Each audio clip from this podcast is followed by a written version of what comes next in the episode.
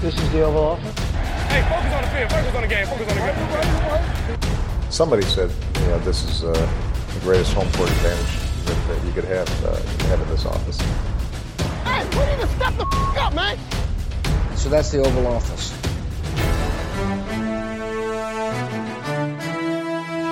Velkommen ind for her i det ovale kontor.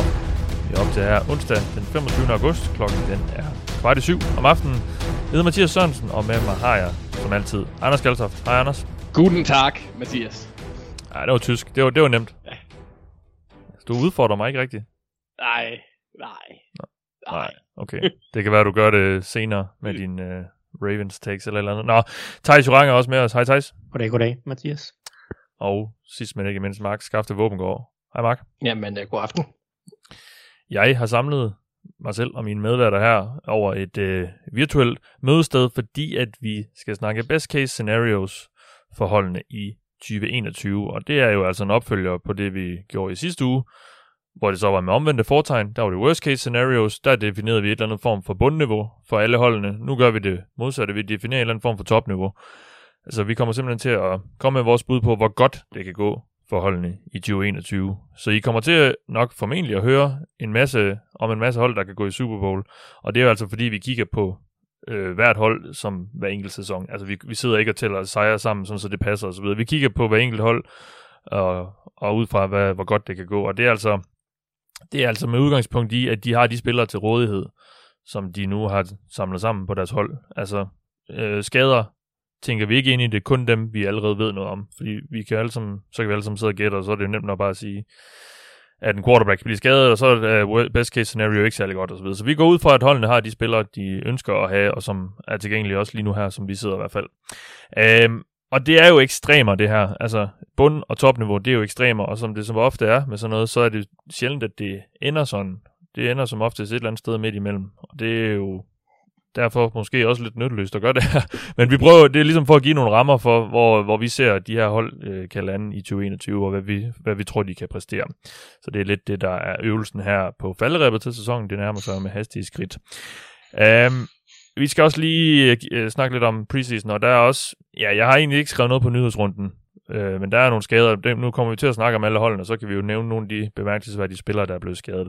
Men inden vi går i gang, skal jeg sige, at vi har bragt i samarbejde med en masse rare mennesker, der støtter os ind på tier.dk. Og kunne du også tænke dig at gøre det, så gå ind på 10er.dk og find det ovale kontor, og så kan du altså støtte os med et valgfrit beløb for hvert program, vi laver, sådan så vi kan blive ved med at lave de her programmer, som vi jo har tænkt os at gøre. Men der er jo lidt udfordringer, eller ikke udfordringer, og det er der måske også, når jeg har de her tre medværter. Men der er også lidt øh, omkostninger ved at lave podcast, og dem kan vi altså få dækket med jeres hjælp, sådan så vi kan blive ved med at gøre det. Og øh, tusind tak til jer, der allerede gør det.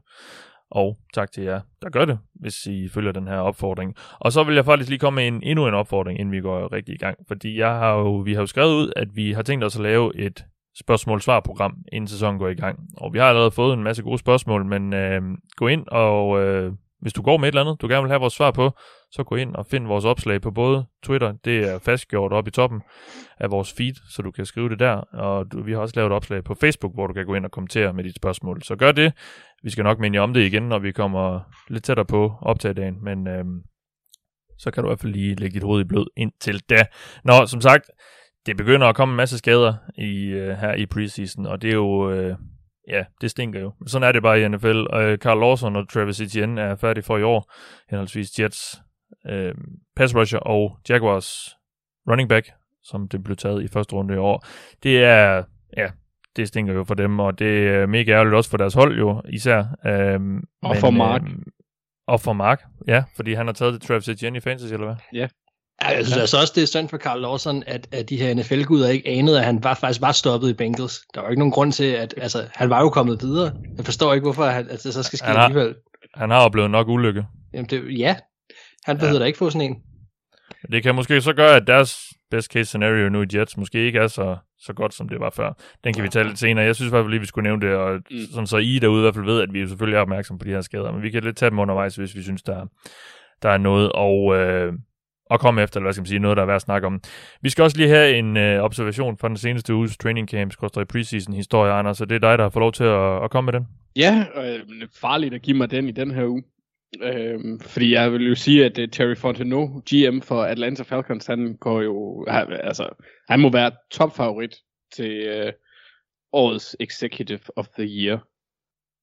Fordi uh, Joshua Ballinger, Lippincott, Rosen er tilbage. Ej, det, det, oh, Gud. det, det er bare gas, Mathias. Øh, fordi jeg har egentlig ikke, ja, det tror jeg ikke kommer til at få den store indflydelse. Jeg vil egentlig mere noget, jeg har bemærket øh, i løbet af hele preseason-tiden, det er, at jeg, jeg virkelig bare er dybt forelsket i Mike Zimmer, der bare er gået zero fox og gået fuldstændig ham på de spillere, der ikke vil vaccineres. Han er, det, Jeg elsker, at han er blevet, altså han er så åbenlyst træt af det. Og, og han lægger bare ikke fingre imellem, selvom han selvfølgelig ikke går ud og bruger det sprog, man har set, han bruger øh, bag kameraet, eller hvis I for eksempel har set øh, Hard Knocks, dengang Bengals var med, hvor at man, man godt kunne se, at han havde, eller høre, at han havde lidt et, et, et knap så fint sprog, når han sad og snakkede med sine spillere. Øhm, men jeg synes bare, det er fedt, at han går ud og statuerer, eller jeg kan sige, statuerer et eksempel, men han viser rimelig tydeligt, hvilke farver han spiller med her, og det handler ikke kun om holdet. Det gør det selvfølgelig også, men det handler også om folk omkring ham, og det har han også fået artikuleret med familiemedlemmer og alt muligt andet, at, at det er dem, man skal tænke på, det synes jeg bare er fedt. Øh, så, så massiv respekt for, øh, for det, og, og jeg synes, jeg er en god repræsentant for et Vikings hold, der ellers mangler nogle af dem, eller i hvert fald har en, der ikke er det. Så Ja. det, det var jeg slemt tilfreds med. Jeg ved godt, det ikke er en, en præcis i den her uge, men jeg synes, han har poppet op flere gange, hvor han bare har udtrykt sin utilfredshed med det. Mark, lad os lige høre kort fra dig omkring det her. Du er jo Vikingsmand. Altså, hvad, øh, hvor er du nået til med alt det her? Øh, jamen, jeg er jo nødt til, at jeg, jeg er enig med, med det, Anders han siger, øh, og jeg bliver også, altså jeg, jeg er stadig håbet omkring, at, at nogle af de her spillere kan nå at blive omvendt, inden at sæsonen starter. Øh, det skal godt nok være til at være snart, men altså, Simmer gør der, hvad han kan, virker det til, for at det kommer til at, at ske. Og så er spørgsmålet så, hvad der, hvad der i virkeligheden kommer til at ske. Men altså, han har jo efter sine haft en læge inden, og, og som en, skulle, eller en epidemiforsker, nu skal jeg passe på, jeg, det kan godt være, at det var det, han var, til at fortælle, holder, øh, til at fortælle holdet om, hvad det er, og det ved, sådan basalt set gå ned i, øh, i hvad det er, og, og bruge hans anerkendelse og hans uddannelse som baggrund for at, og ligesom tale med dem og sørge for, at som, som Simmer også godt ved, at for eksempel sådan en som Kosten snakker med sine egne øh, repræsentanter øh, omkring, hvad det er, og, og nogle af dem kan altså godt komme til at leve lidt i en boble. Så jeg kan godt lide, at man tager det tiltag, at man prøver at tage en ud for virkeligheden ind, til at snakke om det her, og så måske forhåbentlig rykke nogen. Og så som Anders også påpeger, det der med at bruge det sprog omkring, altså det her det handler ikke om, at I misser en kamp, drenge. Det her det handler om, at øh, hvis du bliver syg, jamen, så har du en familie. Altså, og, og den familie, der kan der både være små børn, der kan være ældre, der kan være alle mulige andre, og det vil være en tragedie for dig, og, og også for os som hold, hvis du mister nogen tæt på, eller nogen bliver alvorligt syge. Og, og den- vej kan jeg jo enormt godt lide, at han tager, fordi du kunne også bare køre rent business, og så sige, ved du hvad, du er en super dårlig holdkammerat, fordi hvis ikke du kommer til at spille, så kan vi ikke vinde. Og jeg er super glad for, at, at, at han ligesom meget eksplicit går den anden vej også og siger, det her det er jo større end fodbold, at tage sammen. Og det, Ja. ja. det er fedt, og der er behov for det, og hvis ikke han havde gjort det, så havde det vist set meget værre ud, og det havde meget været, været meget sværere, synes jeg, at repræsentere sig selv som Vikings-fan, hvis ikke at Simmer gjorde de ting, han gjorde lige nu, og det er jeg mega glad for. Det- En sidste ting, hvis jeg lige må, Mathias, så er det også, altså Ja. ja. fordi det Mark kan komme ind på der, det er jo også, hvis, hvis man har hørt øh, Cole Beasley eller læst hans tweets, fra hans synspunkt, der, der, og det er udpræget amerikansk, øh, eller ikke udpræget, men det er meget amerikansk, det der med personlig frihed til at tage sine egne beslutninger, og det handler tit om en selv. Jeg er for eksempel, hvis man tager mig, jeg er ikke bange for at få corona som sådan, men jeg bliver da også vaccineret blandt andet sådan, at jeg kan være med til, at andre ikke bliver det, og at han tager den der fællesskabs øh, element med ind i det, synes jeg også er ret øh, positivt, fordi det er meget, altså det er meget amerikansk der med, at man, man er stort til ansvar for sine egne Ja, ja. øh, beslutninger, men lige i den her situation, der er det ansvar faktisk også, at du, altså, at du gør noget for, at andre undgår den her situation, og så for mit vedkommende, altså jeg synes også bare, det som de også, jeg, jeg kan ikke huske, om det er ham, der sagde det, eller om det var øh, Ron Rivera, der var ude og sige, at hvis vi alle sammen havde koblet os til den her ting, så kunne vi have været tæt på at være ude af det. Altså, og nu, nu er det noget andet, og nu bliver den der proces jo forlænget med hele det her pandemipis. Så det er også bare mere at, at tage den lidt fra helikoptersyn, i stedet for kun at stå og kigge i spejlet. Det synes jeg også er meget smart. Ja. Jamen lad os lige tage et punkt mere, inden vi øh, skal snakke best case scenarios, fordi vi skal jo lige have et kig på Hjalte Froholds situation øhm, i, øh, i Texans, eller rettere sagt hans præstation mod Cowboys i den seneste preseason kamp. Øhm, 17 spil var han inde på, Thijs. Uh, det er færre end i den første kamp, og det var også uh, i slutningen af kampen, hvor dem, der måske i hvert fald i en vis rimelighed kan antage, nok kommer på holdet, uh, var gået fra banen igen. Og det er vel egentlig også det, vi skal til at lægge mærke til nu med Hjalte. Altså, hvor er han henne på den her depth chart? Du har selv skrevet lidt om det på Twitter. Uh, han er til synligheden ikke ret højt op på den. Han, der, var jo en, der var jo så her tirsdag faktisk en, en deadline for øh, cutdowns, hvor de holdene skulle gå fra 85 til 80. Det er altså kun fem spillere, der skulle sorteres fra. Det er klaret øh, i alt i hvert fald det kort. Det store kort kommer så senere, hvor de skal gå ned til 53. Øh, hvordan ser du på, Øh, på... Ja, vi kan lige starte med præcision mod Cowboys. Hvordan var den?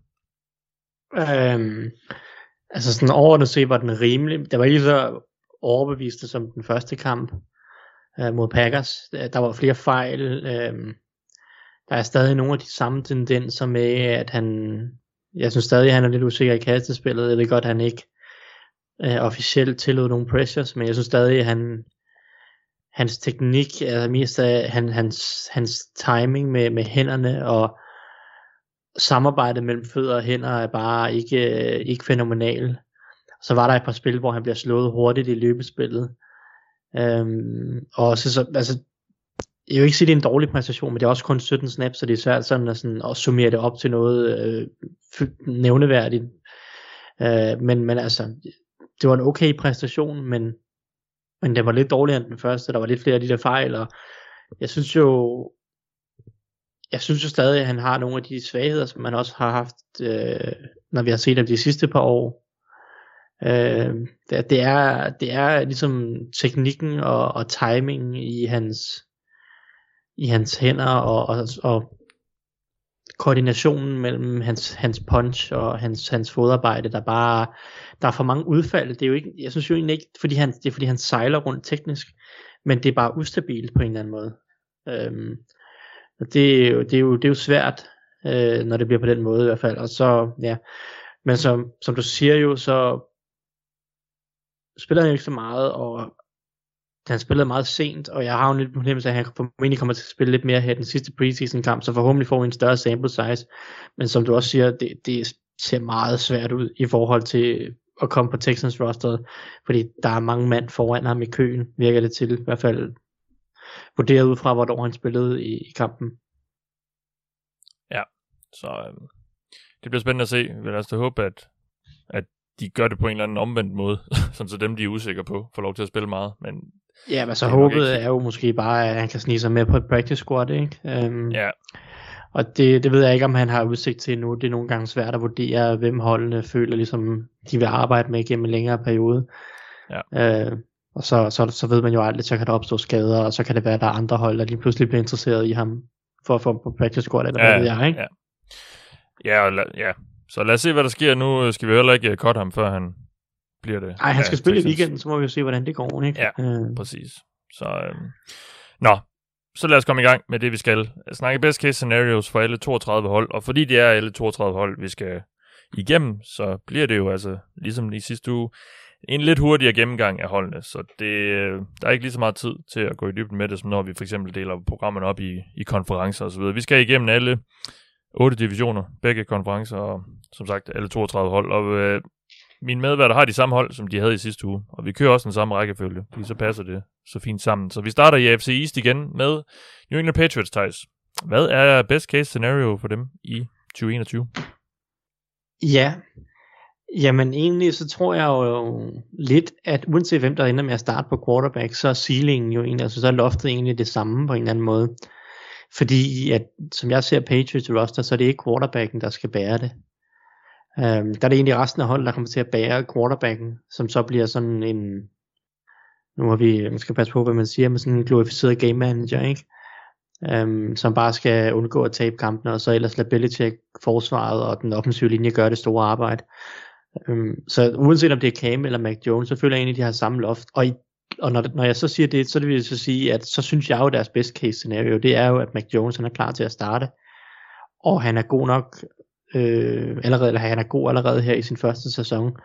Øhm, han har jo spillet en fin preseason, Mac Jones, og har efter sine også gjort, godt, gjort det godt til træning. Det har Cam Newton så også, men nu Cam Newton jo, han er så ikke med til træning lige for tiden, fordi han ikke er vaccineret og sådan noget.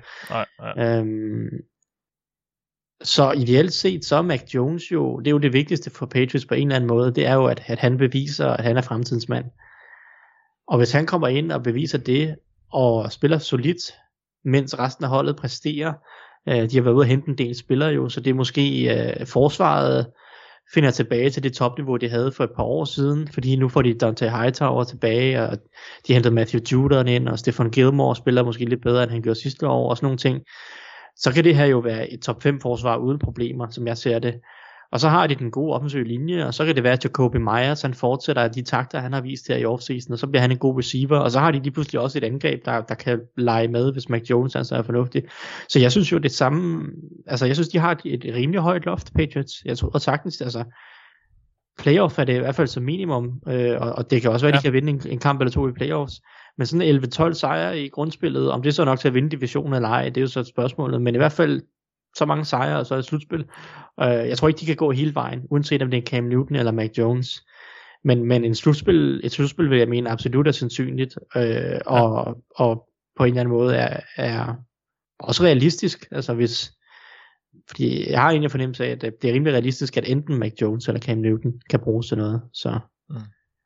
Yes, tak for det. Vi iler videre til Buffalo Bills, Mark, og det... Altså, nu er jeg jo spændt på, om vi allerede nu makser ud her på skalaen, for hvad, øh, for hvad det her hold kan opnå. Øhm, det er jo et af, af de hold, som er allermest hypede, som der er allerstørste forventninger til i år, oven på hvad vi så sidste år fra dem. Så øh, lad os høre, hvad deres best case scenario er i år. Jamen altså, en, en best case for Buffalo, Buffalo Bills, det er, at uh, Josh Allens formodede tilbagegang ikke bliver særlig slem. Uh, det er, at de får et pass rush, altså Gregory Rousseau. Han var simpelthen lige det, de manglede til rotationen på den defensive linje. Og ja, generelt, som du også sætter ind på der, så må man bare sige, så lever de op til de forventninger, der er sat. At det er egentlig ret simpelt. De er et komplet hold, de er godt coachet, har superstjerner på de rigtige steder, og i best case, jamen, så er Josh Allen stadigvæk en supermand. Og så er man en af de få hold, der realistisk set kan vinde en Super Bowl. Nu, du starter jo lidt med at sige, at hans tilbagegang, Josh Allen, ikke er så markant. Mm. Altså i et best case, så, så går han vel ikke tilbage, men bygger, bygger videre på det. Ja, men det, det synes jeg bare er urealistisk, hvis jeg skal være helt ærlig. Okay. Altså det, jeg, kan ikke, jeg kan ikke selv i et best case ikke nu sidde og sige, at jeg ikke forventer, at Josh Allen bliver en lille smule ringere, end han var sidste år, eller måske tager en form på tilbagegang. Fordi det spring, han tog, var så enormt stort øh, og fordi han spillede på en måde sidste år, som var så overraskende, og så øh, altså, han var vanvittig øh, i perioder jo. Øh, og det er bare så lille en sample size, og øh, vi har set det igen, vi så også Lamar have et fantastisk år, have problemer året efter og sådan noget. Altså det er de færreste quarterbacks, som, som kan gå ind og have, lave en eller anden, en, en vand, ja, han grønter, men laver et eller andet vanvittigt, øh, have en vanvittig sæson, og så leve op til den året efter, og endda bygge videre på den også. Øh, og jeg synes, at Josh Allen havde så god en sæson sidste år, at han får svært ved at skulle udbygge den. I, ja. i mit best case, så, så lad os sige, at han holder den, eller i hvert fald den måde, han måske falder lidt i niveau, det er, at han måske kaster et par interceptions mere eller noget, men altså holder, hvad kan man sige, holder mange af de mechanics, som var egentlig det, der er det allervigtigste, at det, det bliver holdt ved live, at han viser, at han er en ændret quarterback, at han viser, at han øh, er fantastisk til at, at skabe spil, og alt det der med præcision og så videre, det, det, det har han styr på nu. Øhm, det, der var bare mange ting, der flaskede sig sidste år, så jeg, man må indrømme, at jeg har svært ved realistisk set at sige, at han skal blive endnu bedre i år. Øhm, men okay, altså, han kan jo selvfølgelig ja. prøve at modbevise mig. Det, det ville da være fantastisk sjovt at se. Var der en, der grøntede? Det lød som om Anders, men jeg, jeg, jeg, jeg, jeg nævnte også hans running back jo, så det var derfor. Altså, øh, jeg har også sagt, at de okay. kan vinde Super Bowl, så det er jo nok. Altså ja, ja, stadigvæk, ja. ikke? Så, så det skal ikke forstås som en, en decideret ja. diss af det, det skal bare forstås, at jeg gerne vil forsøge bare at holde en, en lille smule realisme i det, og jeg synes, det er for voldsomt ja. at sige, at ja, han bare bliver endnu bedre. Jamen, det var også en lidt en del af oplægget, jo, at altså, fordi det er nemt at sige best case, så kan alle 32 hold jo vinde Super Bowl, fordi det kan de jo teoretisk set. Men det er, vi, vi, vi skal jo se på det med lidt realistisk øjne, så jeg er sådan set bare, egentlig bare glad for, at, uh, at du har hørt efter, Mark. Vi, øh, vi, vi hopper videre til Miami Dolphins, Anders. Ja, jeg, jeg har slet ikke hørt efter. 17-0 Super Bowl. Nej. Ja, Øhm, jeg har faktisk bare sidste uge, der sagde jeg 5 og 12 med, i worst case. Jeg har egentlig bare ventet om og sagt 12 og 5. Øhm, hvor de kommer i playoffs. Jeg tror ikke, de kan måske godt vinde en enkelt playoff kamp, men jeg tror ikke, det bliver mere end det. Øhm, og for at det skal nå derhen, så skal forsvaret fortsætte med at være rigtig, rigtig godt. Øh, sådan top 10, top 5. Og, og så skal angrebet som minimum blive middelmodigt. Og her skal Tua altså være en... Han skal vise udvikling. Og han skal være en meget, kan man sige, meget, meget, meget, meget, meget, meget fattigmands udgave af Drew Brees, eller hvad, hvad man nu kan sige, hvilken type han skal være. Han skal stoppe med de der mærkelige turnovers. Man skal vise, at han kan arbejde inden for, for angrebets rammer og eksekvere, når det er nødvendigt. Han behøver ikke at spille han behøver ikke at være en top 10 quarterback, men jeg vil gerne have ham deroppe af. Så altså som minimum top 20. Øhm, og så skal Ja. den offensive linje, den skal lige ovenpå igen. Og der er et par spillere, som der er rimelig store spørgsmålstegn ved på nuværende tidspunkt. Sådan Austin Jackson, han skal vise, at han hører hjemme. Øhm, men altså, jeg tror godt på, at det kan lade sig gøre med, med ordentlig træning, og så det nye offensive system, hvis de kan få det til at fungere, de der to offensiv koordinator, så kan det blive spændende, fordi de har en del våben at, at lege med. De har en god tight end, der kan er en af mange efterhånden tight ends, der hvis han øh, sådan præsterer mere kontinuerligt, kan blive en rigtig, rigtig stor spiller i Mike Gesicki. Devante Parker har vist, at han kan være en nummer et receiver. Og så, hvis, nu snakker vi jo uden skader, og det er svært at gøre, når man snakker Will Fuller. Men det giver altså også et andet aspekt, når de har ham. Øhm, så, ja. så der er mulighed for, at angrebet faktisk kan blive hederligt. Og det kommer til at ske i det her scenarie. Jeg tror bare aldrig, at de bliver, altså, de bliver ikke gode nok til, at de ikke taber en håndfuld kampe. Og jeg tror ikke, de bliver gode nok til at være, kan man sige, lave en Giants Ravens ting i slutspillet og gå hele vejen. Det tror jeg simpelthen ikke på. Men, men de kan godt være træls. Jamen, øh, lad os slutte af i den østlige del af AFC med at øh, høre lidt om New York Jets, Thijs. Ja, for Jets handler det ikke rigtig så meget om, hvor mange kampe de egentlig skal vinde i år, synes jeg. Deres best case scenario, det handler udelukkende om, at Zach Wilson skal se fornuftig ud. Altså han skal have en god, han skal have en god rookie-sæson og komme godt i gang og forbedre sig gennem året. Øh, Og det samme kan man måske egentlig sige om Robert Saleh. Altså det, det er jo Saleh og Wilson, det er den nye æra i, i, i New York, i hvert fald den grønne del af den. Øh, og, og der, der, de skal jo bare vise, at de hører til, og de er på rette vej og holdet på en eller anden måde er på rette vej, fordi det, jo, det kunne nærmest ikke blive en større katastrofe, det, end det blev med, med Adam Gase. Øhm, så de skal, jo, de skal jo vise, at de har valgt rigtigt med Zach Wilson. I hvert fald, øh, at han bliver god, eller er på vej til at blive god. Og så Saleh skal føle- sig komfortabel, og så skal de jo bare prøve at håbe på, at de kan finde nogle gode spillere og bygge fremtid op omkring. Øh, på, på angrebet, der, er det, der har de jo med Kai Becton og øh, forhåbentlig Elijah Vera Tucker, Eli, øh, Elijah Moore og øh, på forsvaret er det jo også sådan, Quinn Williams, skal de prøve, så skal de prøve at se, om de kan finde et par andre gode starter, de kan bygge noget op omkring. Øhm, og så kan det være, at de vinder øh, syv, måske otte kampe i bedste fald. Jeg tror ikke, de vinder meget mere end det, men det handler det heller ikke om. Altså, det handler om, at de skal, Nej. de skal finde de folk, som, altså, som de skal bygge fremtiden omkring. Og vigtigst af alt selvfølgelig der, uh, Zach Wilson. Så øh, det er egentlig deres best case scenario, så om de vinder 4, 5, 6 eller 7, 8 kampe, det er sådan set ligegyldigt. Okay. Jamen, øh, så lad os gå til AFC North. Og vi starter med Cincinnati Bengals, og dem øh, tager jeg mig igen. Og øh, nu skal I lige holde, holde fast derude, eller sætte jer ned, eller i hvert fald lige gøre klar på at blive øh, rusket lidt rundt. Fordi i et best case scenario, altså, så er Cincinnati Bengals' angreb et top 10 angreb. Det er der mange måder at, at måle på yards, point, point per drive osv. Men hvis alt det, går, det klikker i år, så kan det her angreb blive rigtig, rigtig godt. Så er Joe Burrow en top quarterback, fordi at det viste han allerede sidste år, at han havde potentiale til at kunne blive. Den offensive linje er gennemsnitlig, lad os sige det. Det betyder, at øh, Joe Burrow har tiden til at skære diverse forsvar fra hinanden med sine gode våben i form af T. Higgins, Tyler Boyd og øh, Jamar Chase, forhåbentlig også øh, som den trio, øh, den primære trio af receiver, han har at kaste til. Og Joe Mixon, han er frisk og klar i det meste af sæsonen og viser, at han også øh, rent talentmæssigt i hvert fald er en top running back i, i NFL. Fordi det mener jeg sådan set, at han har ja, talentet til at være.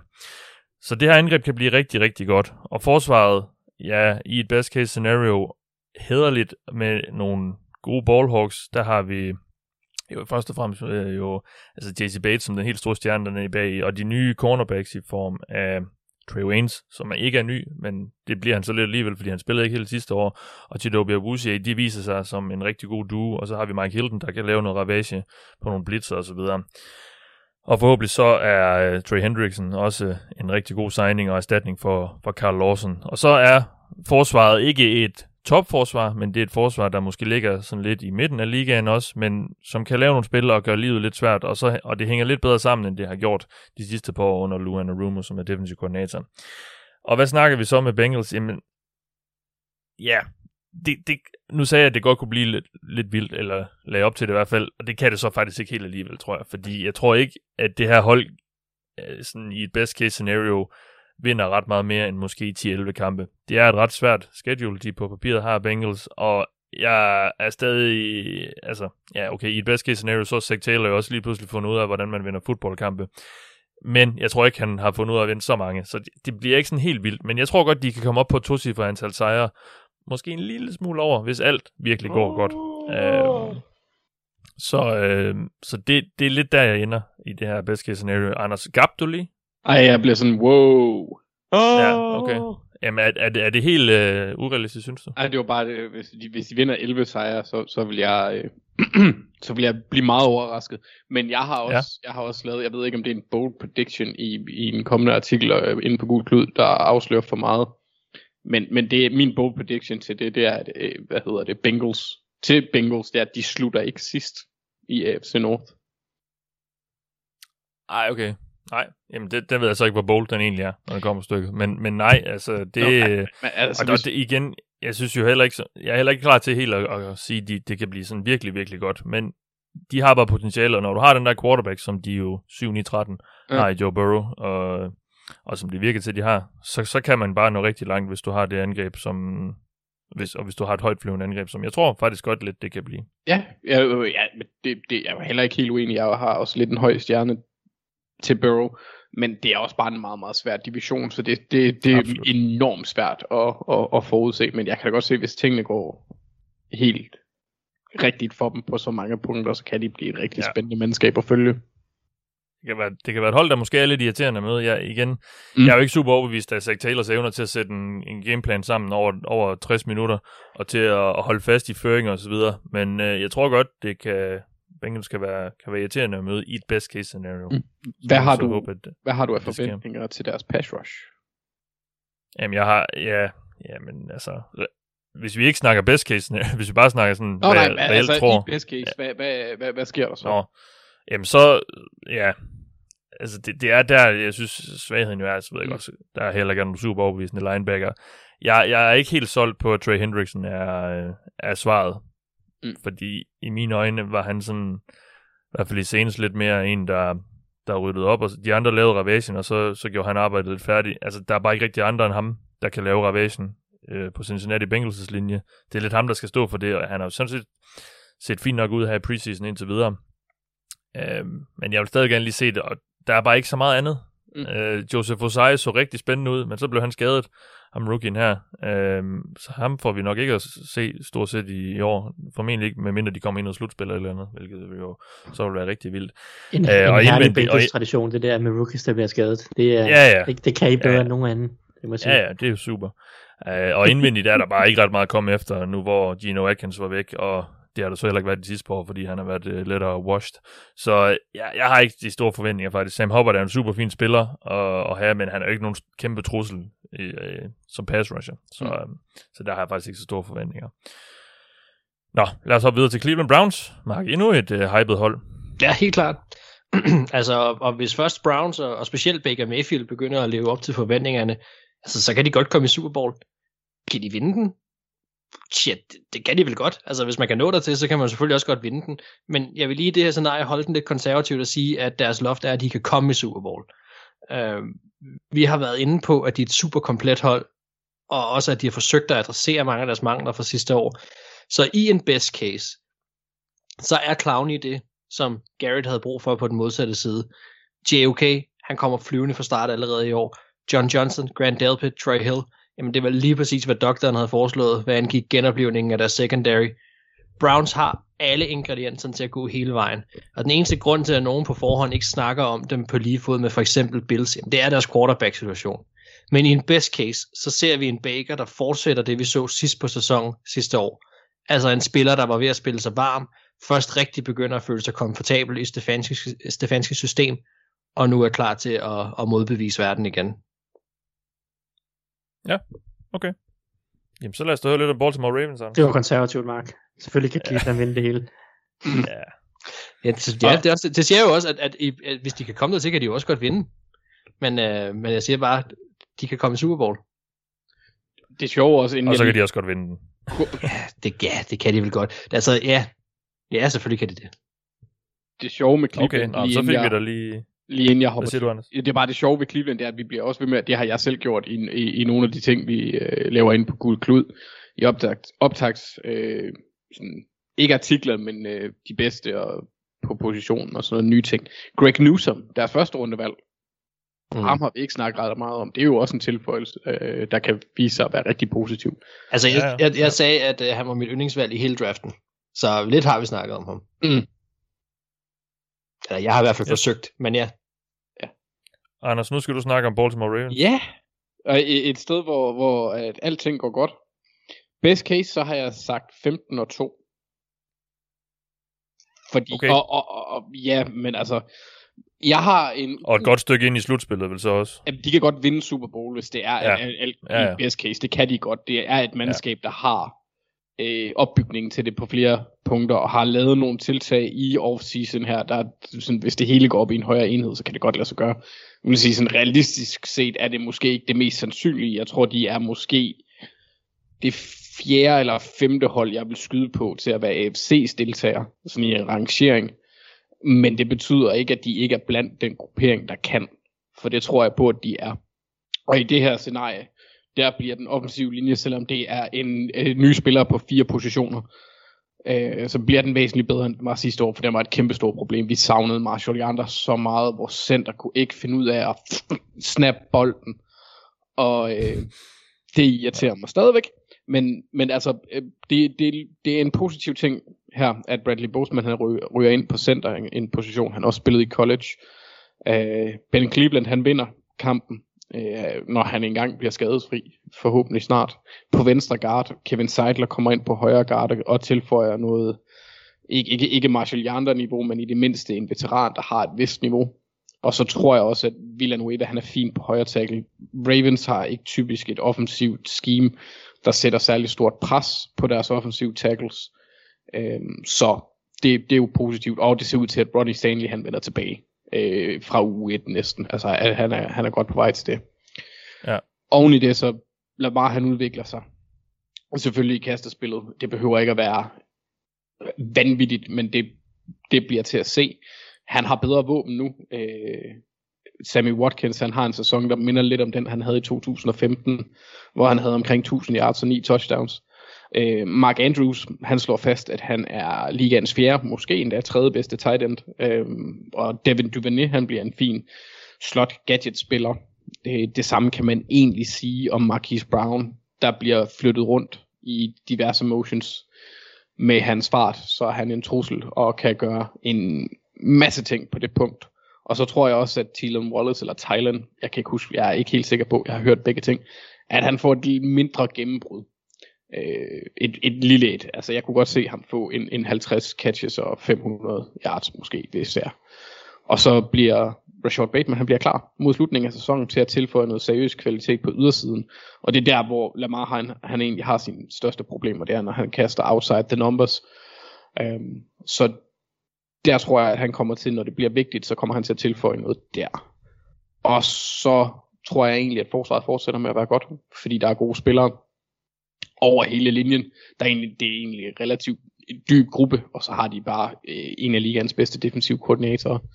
Så jeg tror på, at ja. de har øh, plus en virkelig dygtig head coach. Så jeg tror, de har kvaliteterne til at, at sætte det sammen. Og den sidste bekymring, som ikke finder sted i et best case, det er, at Greg Roman viser, at han faktisk kan udvikle et angreb på kastesiden. Ja. Spændende. Jamen, øh, det lover godt for FC Nord holdene. I hvert fald Ja, de- nogle af dem. Det bliver sindssygt, Mathias. Ja, Ja, hvert, Lad os... Ja, hvad siger du? I hvert fald tre af dem bliver gode. Ja, præcis. Ja. Ja, ja fordi lad os lige høre lidt om, om Pittsburgh Steelers, Thijs. Og nu skal du ikke sige, at best case scenario er, at de øh, ender med et top 5 valg eller sådan noget. Nej, nej, det, Det er nej, det. det havde jeg heller ikke tænkt mig. Det var sådan, jeg havde Nå, tænkt mig okay. at starte egentlig, at onde tunger vil nok sige, at, øh, at det bedste var bare at sige, at de tabte så meget. Det ved jeg ikke med undertunger, fordi det er jo øh, også et brugbart scenarie. Men nej, altså jeg, jeg synes jo, at Steelers, de, øh, jeg synes at der absolut, der er en vej til, at Steelers kan vinde en del kampe. De kan nok ikke gå hele vejen i Super Bowl, men jeg synes at sagtens, Steelers kan komme i slutspillet. Altså, de havde top 5 forsvar sidste år, og så meget har de ikke mistet på forsvaret. Der er lidt på cornerback, de skal finde ud af, men, men hvis ellers at James Pierre øh, er nogenlunde brugbar, så bør det være et, et rimelig godt forsvar igen, og det kan også sagtens blive et topforsvar igen. Og så øh, er der bestemt et scenarie, synes jeg, hvor Big Ben han spiller bedre, end han gjorde mod slutningen af sidste sæson. Han var jo egentlig rimelig i første halvdel af, af 2020-sæsonen, øh, og, og jeg forventer det her angreb, som under den nye offensive koordinator, Matt, Matt Canada, øh, at det er væsentligt bedre, end det Randy Fickner satte på banen, fordi det var en, det var en skændsel af et angreb. Øh, så, så jeg synes da absolut, at der er en sandsynlighed for, at Steelers' angreb bliver meget bedre. Eller ikke meget bedre, det bliver i hvert fald en del bedre, selvom den offensive linje er usikker. Øh, mest af alt fordi, at, at jeg tror bare, at det bliver bedre skruet sammen. Jeg tror bedre, at de kan skjule den offensive linje og, og sætte deres playmaker i, i scene. Øhm, og så tror jeg heller ikke, man skal undervurdere, at Big Ben nu er, har haft en hel offseason, hvor han ikke skulle uh, bruge så meget tid på at, at rehabe oven på den der albueskade, men nu har kun brugt en offseason på rent faktisk at, at ja, bare være quarterback, skulle jeg til at sige. Så jeg synes, der er, nogle, øh, der er et scenarie, hvor Steelers de spiller en fin sæson med et godt angreb, eller med, med sådan et middel, lidt over middel angreb, og, og et rigtig godt forsvar. Og så kan de jo sagtens vinde øh, 10, 11, 12, 13 kampe måske, og, og være i spil til at vinde divisionen og, og gå i slutspillet. Jeg tror ikke, de har øh, den upside, der skal til, for de kan gå hele vejen. Øh, men altså, hvis, hvis, hvis de vinder 12 kampe og går i slutspillet, så har det jo også været en god sæson, må man sige. Ja, okay. Jamen, øh, spændende. Er, er jeg alt for optimistisk der, eller hvad? Ja, Ja, Nå, ja måske lidt. altså, jeg, tror ikke, jeg, jeg tror ikke, at Steelers skal gå i slutspillet overhovedet. Heller ikke i best case. Og jeg synes, 12 12 kampe- driller bare. 12 kampe lyder meget. Ej, jeg, så jeg sagde 10, 11, 12, ikke? Altså, så, så kald det 10 eller 11. Der skal jo 10 eller 11 til, at gå, til for at gå i slutspillet i år. Det vil jeg næsten garantere. Lad dem kæmpe om et wildcard, og så være heldig at få det. Jeg, jeg, jeg sagde det bare for at drille, Thijs. Det, det, et godt forsvar kan få en langt, så hvis Ben han ikke er, Ja, er, er fuldstændig smadret, øh, og den offensive linje ikke er skidt, hvilket den meget, meget nemt kan blive, så kan det jo godt lade sig gøre. Yes. Vi er halvvejs i AFC, og nu skal vi til West-divisionen, og vi starter i LA, og du har jo, ja, det havde du sådan så i sidste uge. Du har mange af de hypede hold, Mark, og det her er et af dem i Los Angeles Chargers. Ja. Øh, uh, det kan godt være lidt, ned, lidt nederen det her, men uh, i best case, så kan de stadigvæk kun komme så langt, som Chiefs tillader det. Og i sidste ende, så er det enten Divisional eller AFC Championship-kampen. Altså jeg kan realistisk ikke se til at sige, at selv i best case, så kommer de til at slå Mahomes og Chiefs, uden at der er nogen form for skade, der spiller ind. Så de ender deres sæson i et episk shootout, nok mod Mahomes, og går mere end styrket ind til næste sæson, hvor de så er klar til at tage revanche og kan komme tilbage endnu stærkere. Så, så i en best case, så bliver det en sæson, hvor Chargers for alvor finder ud af, at Herbert, han er the real deal. Han er vores quarterback for fremtiden. Men også, at de var så geniale at sende Anthony Lynn på porten på det rigtige tidspunkt, så de kunne få wunderkendt Brandon Staley ind. Uh, han vil den her sæson bevise, at det han viste i Rams, det var kun toppen af isbjerget, hvad angår at have fingeren på pulsen omkring NFL-tendenser, men også at kunne få det maksimale ud af sine spillere. Så vi vil se et, et Chargers-hold, som, som spiller på alle tangenter, men, men desværre har nogle svagheder nogle enkelte steder, som når det bliver afgørende og mod de allerbedste, så er, det stadig ikke, så er de stadig ikke komplette nok som hold til, at, at jeg kan sige, at de kan gå i Super Bowl. Nej, okay. Det er måske også lidt tidligt, ja, ligesom at, at sige, at de har det. Vi, vi skal jo stadigvæk lige se, synes jeg i hvert fald også, hvad, hvem, Ja, dels om det bare var one hit wonder fra, øh, eller one year wonder fra Justin Herbert, og, og, og hvad for en head coach Brandon Staley egentlig er. Det, det, det lyder rigtig godt, det der kommer ud fra training camp, og han lyder som rigtig god træner, men øh, vi skal jo lige se det i aktion. Så jeg er sådan set med dig på den Helt sikkert. front. Altså det, det er jo også en, en, en langt mere en godkendt sæson, hvis man kan nå hele vejen til kampen inden Super Bowl, eller lad os bare sige, at, at de ender lige lidt før. Øhm, det synes jeg vil være super flot stadigvæk. Øhm, Ja, ja. noget, de bestemt kan bruge til noget. Og, og også bevise, at de mangler måske ikke meget, men, men samtidig kan, så får de den her best case jo selvfølgelig også ud af, hvad, hvad de skal gøre bedre og justere, og så bagefter, så kan vi snakke næste år, om de så er endnu bedre. Ikke? Anders, du skal snakke om Kansas City Chiefs, men jeg ved ikke, altså, behøver du at bruge ret lang tid på det? Det gør du vel ikke. Ikke, ikke super meget. jeg, jeg er egentlig lidt utryg ved at sige 17-0, for det tror jeg simpelthen egentlig ikke rigtigt på. Så jeg siger 16-1. Åh, ja, okay, men uh, Super Bowl, kraftig Super Bowl contender. Ja, øh, AFC's øh, topfavorit på det punkt. Det er uden tvivl. Altså, jeg kan godt Ja. se i en best case, så bliver den offensive linje, som jeg snakkede om i sidste uge, den bliver god. Ikke, altså, den nye samlet. Altså, jeg, jeg ser det egentlig meget som en sæson, eller den Packers havde, øh, i forhold til holdopbygning i, i 2010, da de vandt Super Bowl. De får et, et, et slagkraftigt angreb, og et forsvar, der bliver god til at tage bolden væk. Øhm, det, det er det, de skal håbe på. Og så finder de en pass rusher, der ikke hedder Frank Clark. Måske også Frank Clark. Jeg ved ikke, hvad der sker med ham. Øhm, så et, et, et vanvittigt godt angreb. Øh, og så et forsvar, der, der kan lave turnovers. Det, er, det kan føre dem til en Super Bowl sejr. Yes, modtaget. Jamen, så lad os høre med Raiders, Thijs. Ja, jamen altså, best case scenario, det er jo på en eller anden måde, at John Gruden han beviser sig, uh, at gøre alle tvivlerne øh, til skamme, eller alle, alle folks tvivl til skamme. Um, og det gør han jo ved at komme i slutspillet. Det er jo det, der er målet, og det er jo også det, der er best case, synes jeg, for dem. Det er jo, at deres angreb, det fungerer, som det egentlig har gjort i store perioder af, hvor gruppen har været der. Så alle de ændringer, de har lavet på den offensive linje, det, det virker, øh, og de overlever dem. Mest af alt fordi Alex øh, Leatherwood og Andre James, øh, deres nye center, øh, Leatherwood på højre tackle, øh, at, at de er solide fra dag et. Hvis de er det, så tror jeg på, at deres offensive linje nok skal overleve. Um, og så, så, så får Henry Rocks eller Brian Edwards får, får et lille gennembrud, og så, så er deres angreb godt, tror jeg. Så skal det nok blive, blive et top 10 angreb. Og så kommer Gus Bradley ind og får sat skik på det forsvar. Så jeg synes jo generelt set, at Gus Bradley er en ret habil og ret dygtig defensiv koordinator. Det synes jeg egentlig, han har været længe, og også i, i sin tid hos Chargers. Så øh, selvom at han skal finde ud af, hvem der, skal, hvem der egentlig skal præstere på det forsvar, og hvem der han ligesom skal sætte sin lid til, så, så kan han sagtens få sat et skik på det forsvar. Og hvis det lykkes, og angrebet lykkes, så, så kan Raiders sagtens vinde nok kampe til at komme i slutspillet. Kan de gå hele vejen med John Gruden og et, et relativt ungt forsvar, og Derek Carr som quarterback? Det kan de nok ikke. Men, men altså, det best case scenario, hvor de går i slutspil, det vil også være rigtig fint for dem, og det kunne også ja. være fedt, hvis et par af deres rookies øh, gjorde det godt, så at Mike Mayer og John Gruden endelig har noget at pege på og sige, se hvor, se hvor dygtige vi er. Øhm, fordi det har de lidt haft brug for. Så best case scenario, slutspillet, et par dygtige rookies, og så øh, ellers øh, et forsvar, der mest af alt tager nogle store skridt i den rigtige retning. Ja, Okay, modtaget. Jamen lad os slutte af i den her division med at snakke om Denver Broncos, Mark. Og der er jo faktisk også en lille nyhed, der er kommet her onsdag aften, mens vi har sidder og snakker sammen her. Det er, at det bliver Teddy Bridgewater, der i hvert fald i u 1 starter som quarterback for det her hold, efter øh, ham og Drew Lock har kæmpet om retten til det her i løbet af training camp. Og ja, jeg ved ikke, for mig kommer det ikke som den store overraskelse. Jeg synes, han er typen, en, som jeg forestiller mig, en defensive-minded head coach, som Vic Fangio vil vælge. Øh, det er lidt mere sikre valg øh, på banen. Jeg ved ikke, er du overrasket? Øh, nej, egentlig ikke. Øh, det, det må jeg indrømme, at der jeg synes ikke rigtigt, at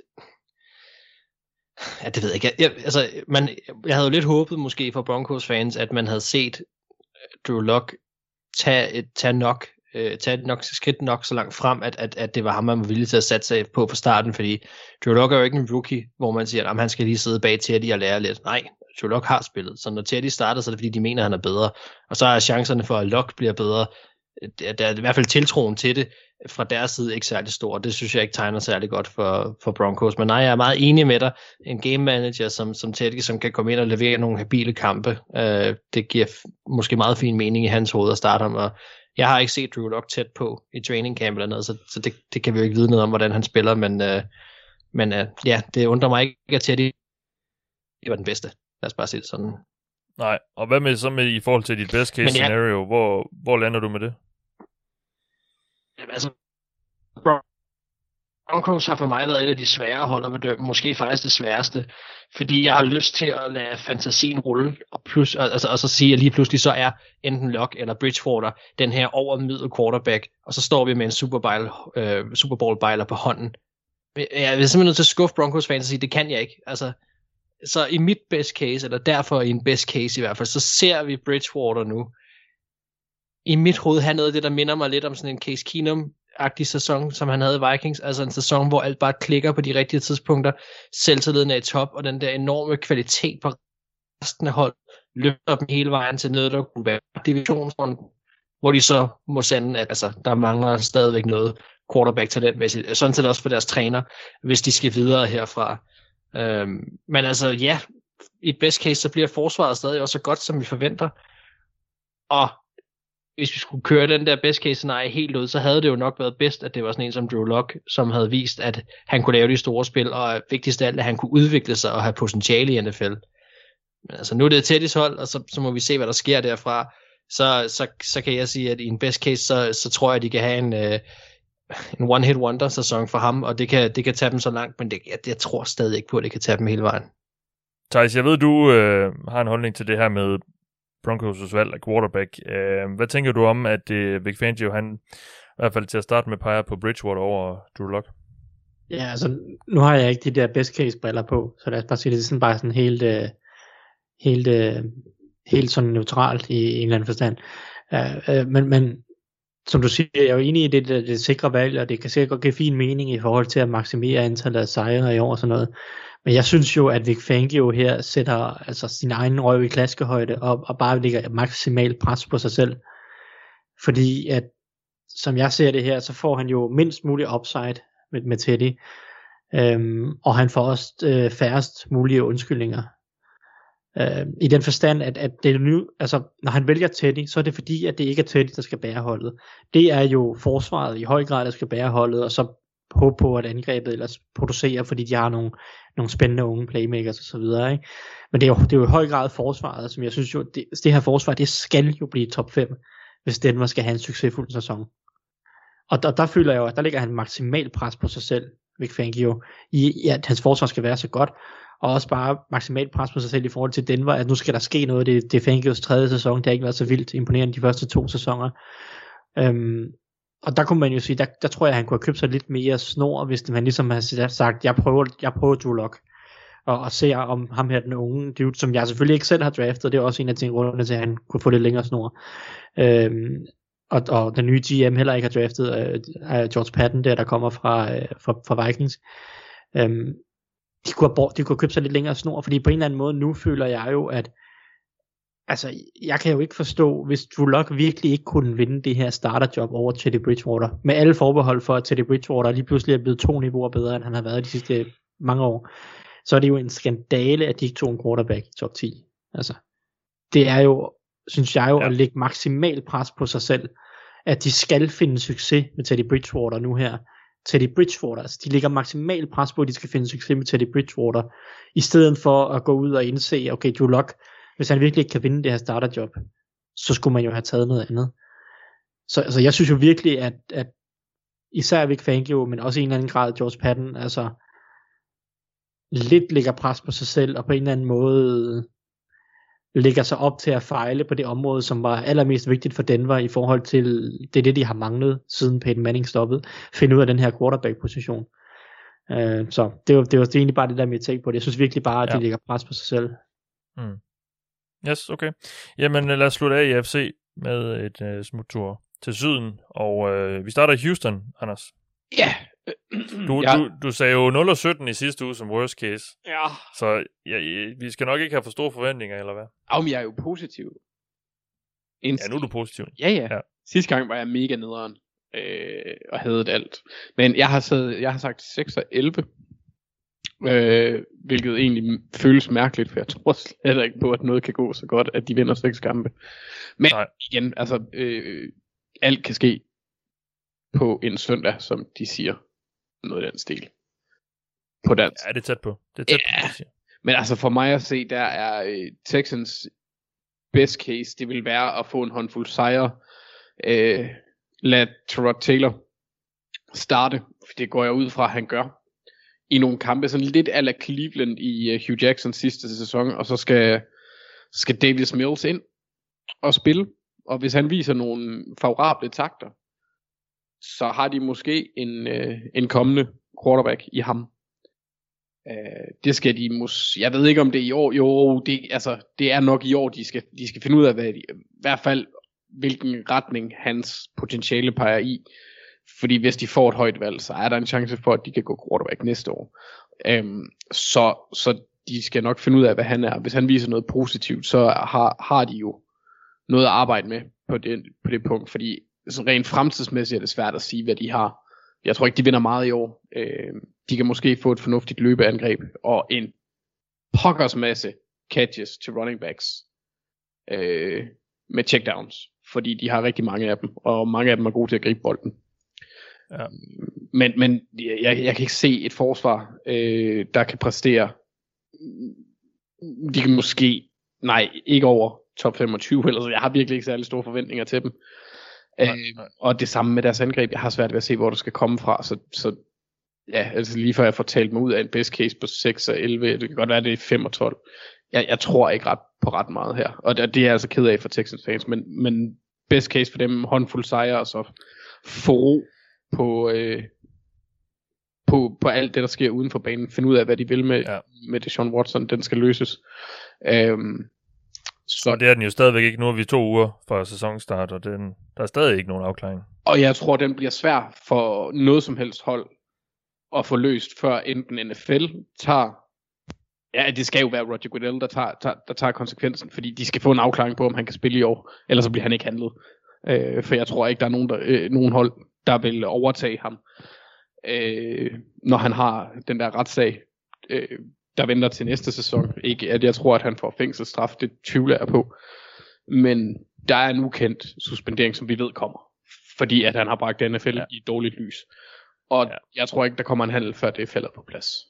Øh, så så øh, for Texans skyld, og så skal Roger Goodell også så lidt sammen, for ja, ja, ja, hvis de skal have ro på den side af det. Yes. Tak for det. Vi skal nu høre om Indianapolis Colts, og det er dig, Thijs, der har fået æren af at snakke om Frank Reich, Carson Wentz og company. Ja, men jeg havde også lidt svært ved Colts her. Fordi det er jo, jo på en eller anden måde, det er svært at sige, hvad der er Carson Wentz's realistiske upside på en eller anden måde. Jeg synes jo, deres angreb har jo har upside til at være et af ligaens bedste, hvis Carson Wentz er på det topniveau, han havde i, i, i, i Eagles uh, Super Bowl sæson. Men det er også bare så langt væk fra hvad vi har set fra Carson Wentz siden, at spørgsmålet er, om det overhovedet er realistisk. Men lad os nu bare sige, lad os køre med det scenarie, synes jeg øh, er det mest realistisk, at han finder et niveau, der er godt, uden at være super godt. Altså, så vi snakker en middelmådig, lidt over middel quarterback her. Så er Coles roster godt nok til at gå i slutspillet, vinde divisionen og gå i slutspillet. Så det er ikke godt nok til at gå i Super Bowl, tror jeg, for jeg tror, deres forsvar mangler kvalitet til, at det er godt nok. Øh, selv i best case scenario på forsvaret, så øh, tror jeg ikke på, at de har cornerbacks og pass rusher til at gå hele vejen. Øh, hvis vi arbejder med det best case scenario, der hedder Carson Wentz, på, på magisk vis bliver en top 10 quarterback igen, så kan Colts gå hele vejen til Super Bowl. Men jeg synes, jeg anser det i reelt set ikke som, som super realistisk. Så det, det, det best case er en Carson Wentz, der finder sit fodfæste, kommer tilbage på et middel til lidt over middelniveau. Uh, øh, Michael Pittman bliver en god receiver, den offensive linje fortsætter med at være god. Forsvaret finder en pass rusher, en ung pass rusher, der bliver god. Øhm, og så ellers bare fortsætter på den vej, de egentlig er på, for de har et godt hold på rigtig mange punkter. De har bare haft brug for at finde nogle receiver, nogle pass rusher, nogle cornerbacks.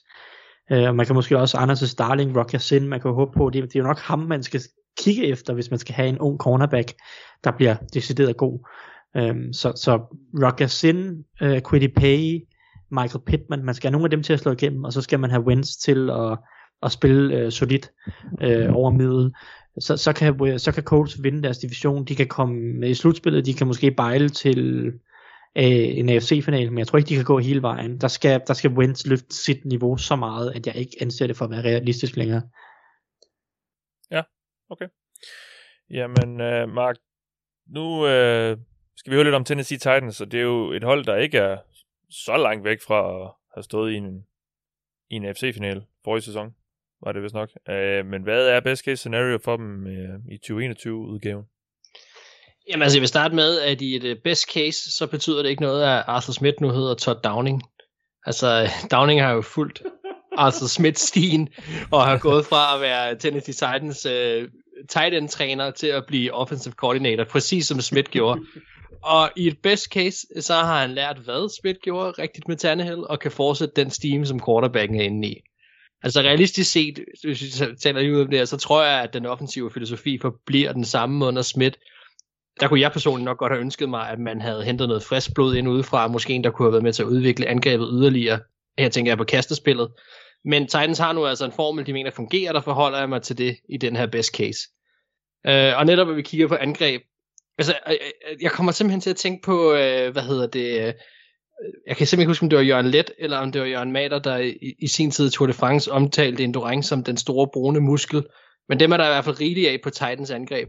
Og det skal forstås ja. på den bedste måde, fordi i best case, så vil vi se dem bøllebanke modstandernes forsvar med en fysik og en teknik, som ingen andre angreb i NFL kan matche.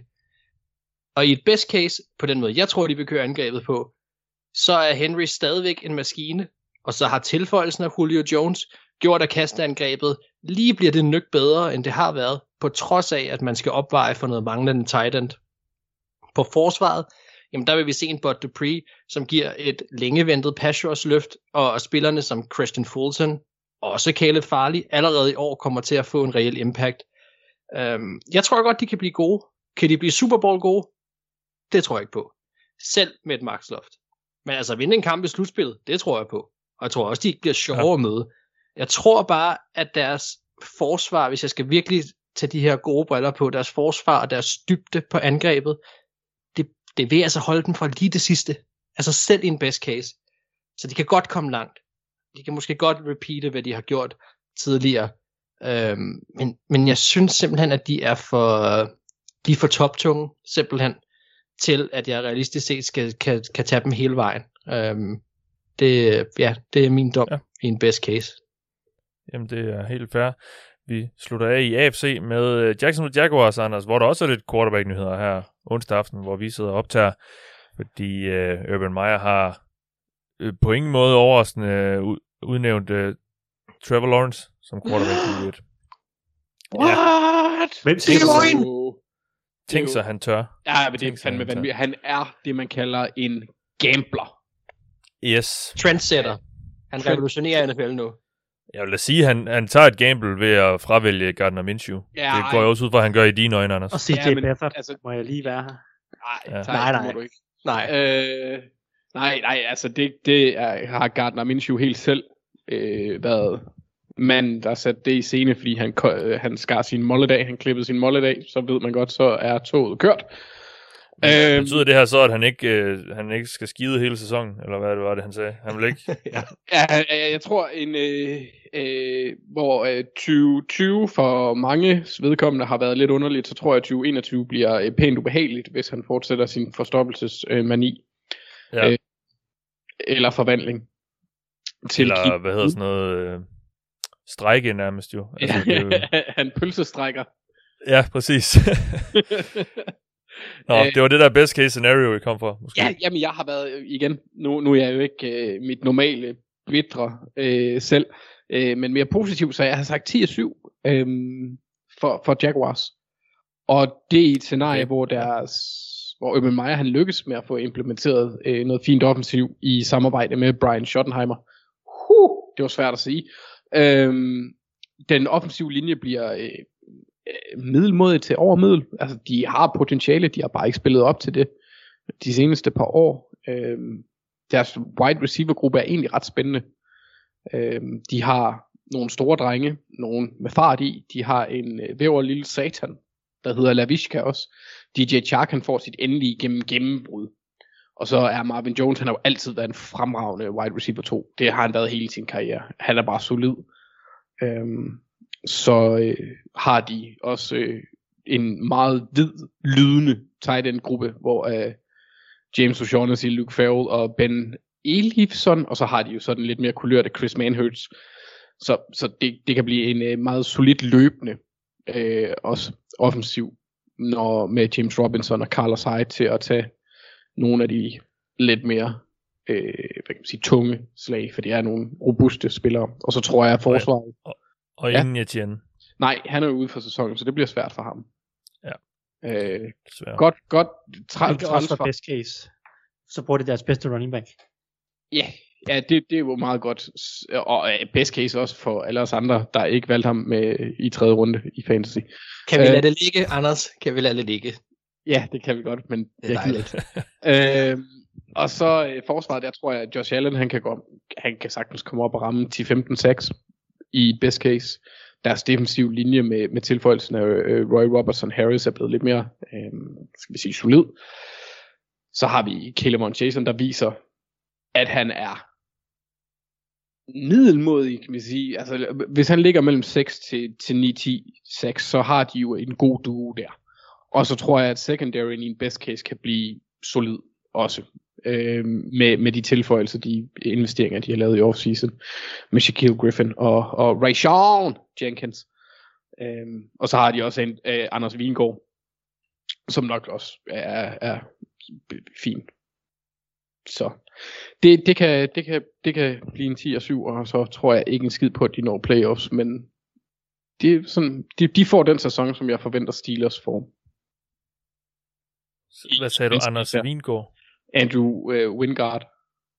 Nå, ja, okay. Der gik der lige totalt Superliga i den. Ja. Okay. Ja, ja, Øh, yes, jamen tak for det, Anders. Det var AFC.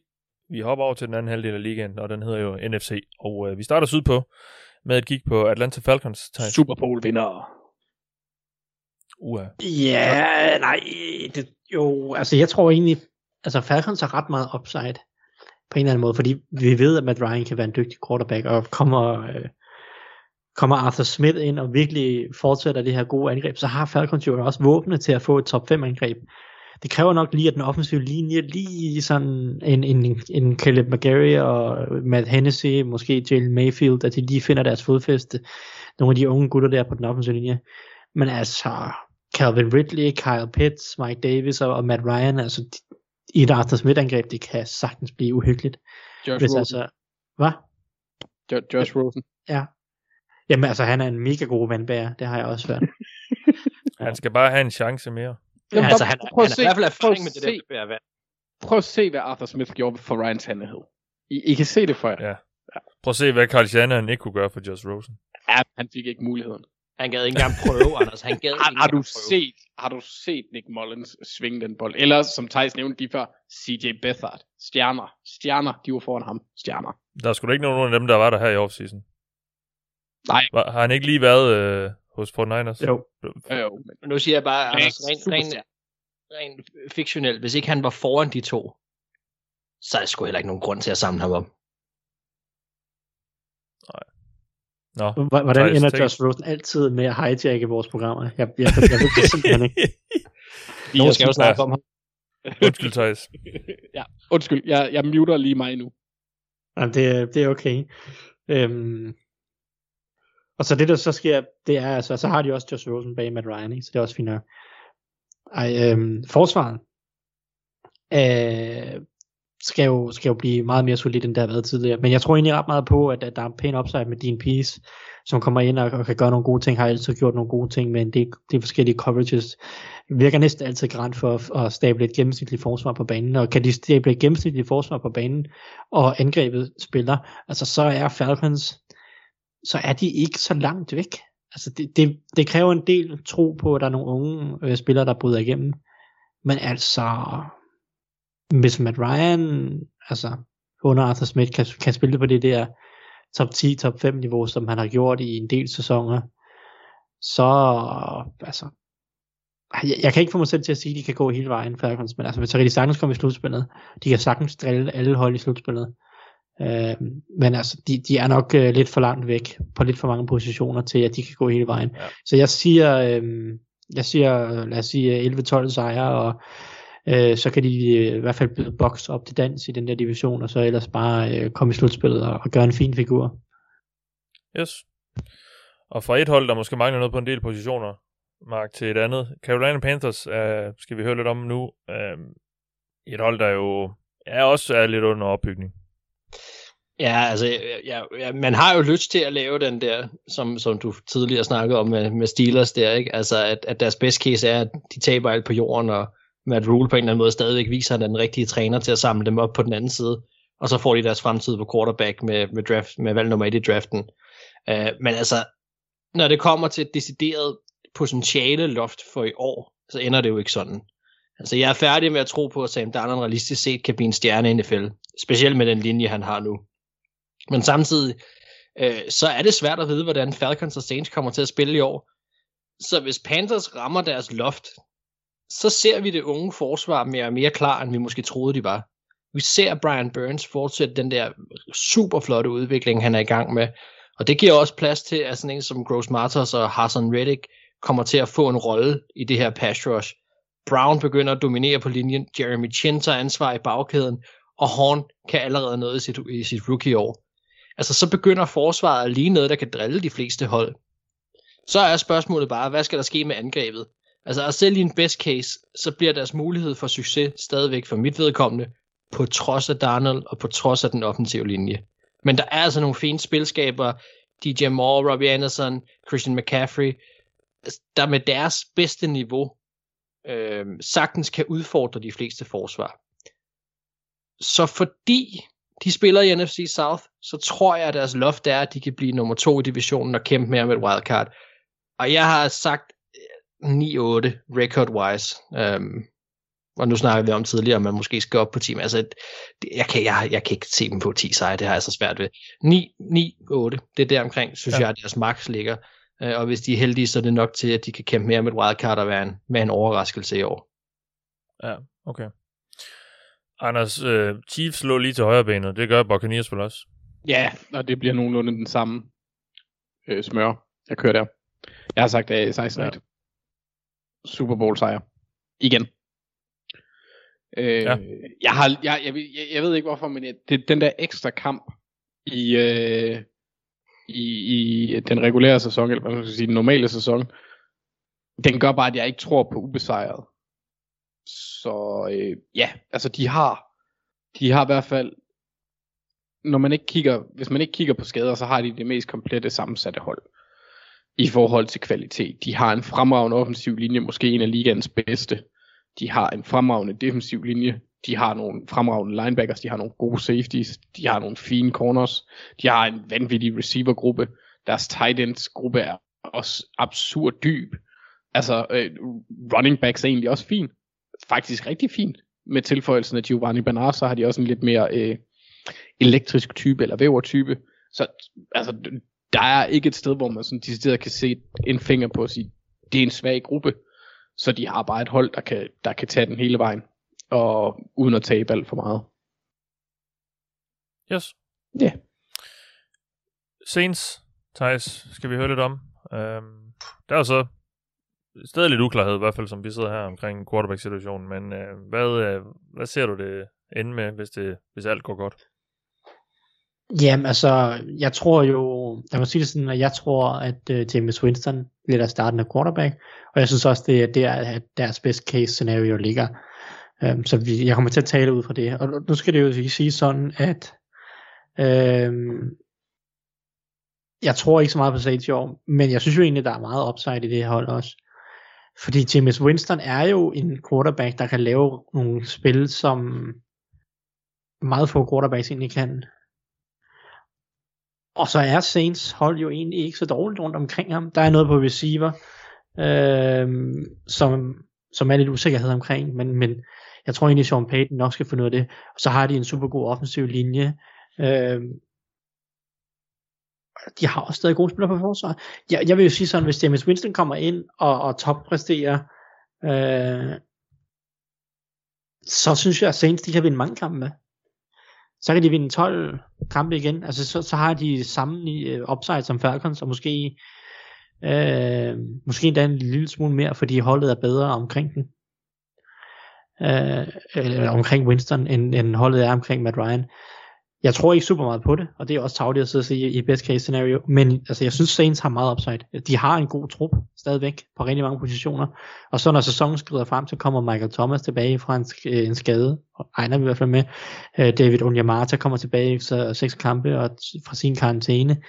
Øhm, der er unge spillere, der også sagtens kan få et gennembrud. Marcus Callaway på wide receiver, og Marcus Davenport på, på edge. Nogle af de der typer kan sagtens øh, få et, et, et godt gennembrud. Så jeg synes jo faktisk ikke, at jeg vil afskrive, at Saints kan gå i slutspillet, og måske også i NFC-finalen, øh, med James Winston som quarterback, hvis han spiller godt. Fordi han har også tidligere i sin NFL-karriere været en ret effektiv quarterback, har produceret ret meget. Han har så også bare lavet alt for mange fejl. Men kan Sean Payton pille, pille halvdelen af de fejl ud, så, så begynder det at ligne noget. Så øhm, Ja. Jeg synes jo faktisk, at Saints har rigtig meget upside, når jeg skal sidde og være lidt nøgtern omkring det. Så jeg, vil, jeg siger, at NFC-finalen er, er Saints' uh, best case, og det kan godt være, at det er lidt Hold optimistisk. Uh, Ja. fordi jeg siger heller ikke, at jeg tror på det. Uh, jeg tror også, jeg sagde, at deres worst case var meget lav. Altså, så vi, vi har et Ja. bredt spektrum at arbejde med her med Saints, synes jeg. Okay. Øhm, og, jeg, og jeg, hvis vi skal sådan være neutrale om komme en forudsigelse, så tror jeg ikke, de går i slutspillet. Men hvis Winston han klikker med Peyton i det her angreb, så har de godt nok hold til at komme langt. Det, det, det tror jeg. Ja, Så kan man okay. vurdere, hvor realistisk det er. Men det, det, Jo, jo. det, Ja. det vil jeg sige. Jamen, øh, ja, okay. Jamen, ja, jeg kan godt følge dig. Jeg synes, det, jeg synes, det, det er lidt vildt at sige en NFC-finale alligevel. Men, øh, men okay, altså alt kan jo gå op i en højere enhed, og det gør de jo i de her best case scenarios. Så. Endelig gang, så, det behøver heller ikke være NFC-finalen, men så vil jeg sige, altså så divisionsrunden, ikke? Altså, jeg, synes, Ja, ja. det er mest sådan det der, de kan gøre væsentligt af sig i slutspillet. Det tror jeg, Mm. de kan, hvis, hvis, hvis Winston han spiller ordentligt. Ja. Godt, lad os tage til NFC West, og vi starter i, øh, i Los Angeles med Rams. Mark, endnu et hypet hold til dig. Jamen, øh, jo, tak skal du have. Øh, jamen, altså, i en, i en best case, så er Matt Stafford alt, hvad vi forventer, han er. Nemlig en seriøs erstatning for Jared Goff, der samtidig også beviser, at Sean McVays offensive hjerne slet ikke er udtømt for idéer. Og det kan godt tage dem til en Super Bowl. De kan også godt vinde en Super Bowl. Altså, udover på tight end, så har Stafford realistisk set alle de playmakers, han skal bruge på angrebet. Og i et best case, jamen, der er der ikke rigtig nogen, der kan holde dem tilbage fra at blive super effektiv uge efter uge. På deres forsvar, så har Ramsey og Donald de sæsoner, vi forventer fra dem. Men en spiller som Leonard Floyd, som jeg i virkeligheden ikke har noget fidus til overhovedet, viser så mig, at det sidste sæson var hans nye standard, og at øh, han altså aktivt har tænkt sig at forblive en stor del af, den her, af det her pass rush, endda på trods af, at Brandon Staley ikke længere er hans spilkalder. Og Brandon Staley leder mig så videre til Raheem Morris, der har overtaget Staleys job, fordi han kommer i et best case ind og viser, at han er opgaven voksen hos Rams. Altså han kom senest fra, fra Falcons, som vi ved, hvor han egentlig var med til at stabilisere og måske også simplificere noget af det, Dan Quinn gjorde meget forkert i starten af sæsonen. Og det gav også et positivt afkast, eller i hvert fald, det gjorde det indtil det så ikke gjorde det længere. Fordi Falcons havde også problemer med at lukke for mange point til sidst under Morris. Så for mig er han egentlig lidt et wildcard. Men han kommer ind med en masse NFL-erfaring, ganske lidt som koordinator dog. Men hvis vi bare skal aflede lidt af, at hvad vi kunne forvente af ham, og hvordan det kunne se ud i et best case, jamen så ved vi, at han er en tidligere safety, og det der med at tegne forsvar og træne DB's, det må være det, vi betragter som hans force. Samtidig kigger man lidt på Falcons sidste år, så blitzede de også 12. flest gange under ham. Øhm, og så det kunne også godt være, at der kommer lidt mere aggressiv type forsvar derudover så er han den type coach-koordinator, som jeg nok vil beskrive som en energisk motivator, som så i et best case kommer ind og får noget positivt ud af de unge spillere i bagkæden, der i år skal steppe op, når spillere som John Johnson for eksempel er væk. Øhm, det er altså også noget, han har kendskab til, skal så lige siges, fra, for dengang han var i boks. Øh, der var sådan en del startende rookies på det hold, han var på der. Men, men lad det ligge. Øh, Taylor Rapp, Jordan Fuller, de træder ind, komfortable roller, veteranerne i Williams. De ind på, på hans defensive filosofi og begynder at lede forsvaret som hans forlængede arm på banen, på banen, hvilket resulterer i en stabil og udmærket secondary, på trods af, at Staley er væk. Og når man har det med Aaron Donald på fronten, Leonard Floyd, der stadig åbenbart kan lave pass rush, lagt sammen med et genialt angreb, det er nok til at vinde Super Bowl. Ja, okay. Anders, øh, mm-hmm. en af mhm. udfordrende til Rams i den her division, det er jo Fort Niners, ja. og øh, det er de jo, selvom det så rigtig skidt ud sidste år, men der var også en masse skader og så videre. Altså nu, øh, ja, der mangler vi egentlig også stadig lidt afklaring i forhold til quarterback-situationen. Må ikke det bliver Jimmy G for U1, men øh, hvordan, øh, hvordan ser du på Fort Niners i år, hvor, og hvor godt det kan blive? Altså, øh, jeg har egentlig sagt 13 og 4. Øh, den er jeg egentlig lidt iffy med, for det er en meget stærk division, de er i. Øh, og med særligt Seattle og, og Rams ved man, de vil, de vil komme til at præstere på et rimelig højt niveau. Øh, Seahawks primært på grund af Russell Wilson, for, som jeg forventer det, men, men jeg synes bare, at, at 49ers de har lavet nogle moves, øh, eller nogle, nogle træk her i, øh, i år, der gør, at de har muligheder for at blive bedre. De får, som du siger, nogle spillere tilbage fra skade. Jeg tror, deres quarterback-position, eller jeg ved, deres quarterback-position øjensynligt bliver bedre. Det gør den i en best case i hvert fald. Om det så er Jimmy G eller, eller Trey Lance, det er jeg egentlig lidt ligeglad med. Øh, jeg håber, at det bliver Trey Lance, fordi det bliver bare sjovere. Han, han giver Kyle Shanahan flere muligheder for at lave nogle ting og inkorporere noget i løbespillet, fordi han er en, en væsentlig større trussel øh, med bolden i hænderne end Jimmy G. Men jeg synes, at tilføjelsen af Alex Mack er, er central også. Han, han er, vil jeg gå ud fra uanset, altså han er en gammel mand, men han er bedre end ham, de havde sidste år. Så jeg tror, deres offensive linje bliver fin. De har måske ligands bedste venstre tackle. De har en fin højre tackle og en god center, så sådan selve enheden kan sagtens blive god, selvom guardsene måske er lidt mere middelmod i det. Og på forsvaret, i et best case, der har de egentlig rimelig god dybde øh, på den defensive linje. Hvis man ser på det, altså de har jo, de to Javon Kinlaw øh, sidste år med det valg, de fik for at sende øh, DeForest Buckner til Colts. Øh, Arik Armstead er der, Nick Bosa for, er tilbage. DJ Jones er en rigtig, rigtig god øh, spiller, synes jeg også. Og så har de jo også hentet Maurice Hurst, din øh, gamle yndling, øh, som også ja. kan indgå i rotationen. Ja, ham havde jeg godt øje til i sin tid. Ja. Øh, de har også hentet Arden Key. De, de tager alle de der gamle Raiders falderede spillere, kan man sige. Um, så der er mulighed for, at de forreste syv kan, kan få en fin rotation, også fordi øh, deres linebackers egentlig også er fint. De har den bedste i ligaen i Fred Warner. Øh, Dre Greenlaw er egentlig også fint, og så ved jeg ikke, hvem der kommer til at starte på den anden side, om det bliver Samson Ebukam eller Demetrius Flanagan Fowles. Det lyder som noget fra Harry Potter, og jeg elsker det. Ja. Øh, og så, så nogle fine safeties i Water Tart. Det eneste problem eller spørgsmål, jeg har, det er til deres cornerback-position, hvor, hvor ja, det er vel Jason Verrett og Emmanuel Mosley, der står til det, men det, det kan blive sådan samlet set et rigtig godt hold, der kan præstere massivt. Mm. Øh, meget balanceret, kan man sige. Jeg tror ikke, at det... Jeg tror ikke, at de går hen og bliver sådan top 5 scorende angreb. Det har jeg svært ved at forestille mig, selvom, selvom de har nogle spillere, jeg godt kan lide. Men jeg tror, de bliver et, et, et konsekvent godt angreb. Top, ja. top 15, top 10, og det samme med forsvaret. Så, så, og så kan det jo ikke gå helt galt. Så, så jeg vil sige, 13 og 4, og så tror jeg, at de vil tabe i en NFC-finale. Ja, okay. Jamen, det lyder jo øh, ret lovende. Jamen, det er det jo Men, også, når det er best case. Er, er, det, er det så med Jimmy G som quarterback hele vejen igennem, eller hvad? Ja, øh, det håber jeg virkelig ikke. Øh, men det er også, altså det, grunden til, at jeg ikke håber det, er, at jeg er lidt af den overbevisning, at jo tidligere en spiller spiller, øh, jo bedre erfaring for en, særligt hvis holdet ikke er dårligt. Og for den er ikke et dårligt hold. Så med en offensiv linje, der er fin, der tror jeg ikke, at det vil skade dem på den, på den lange sigt.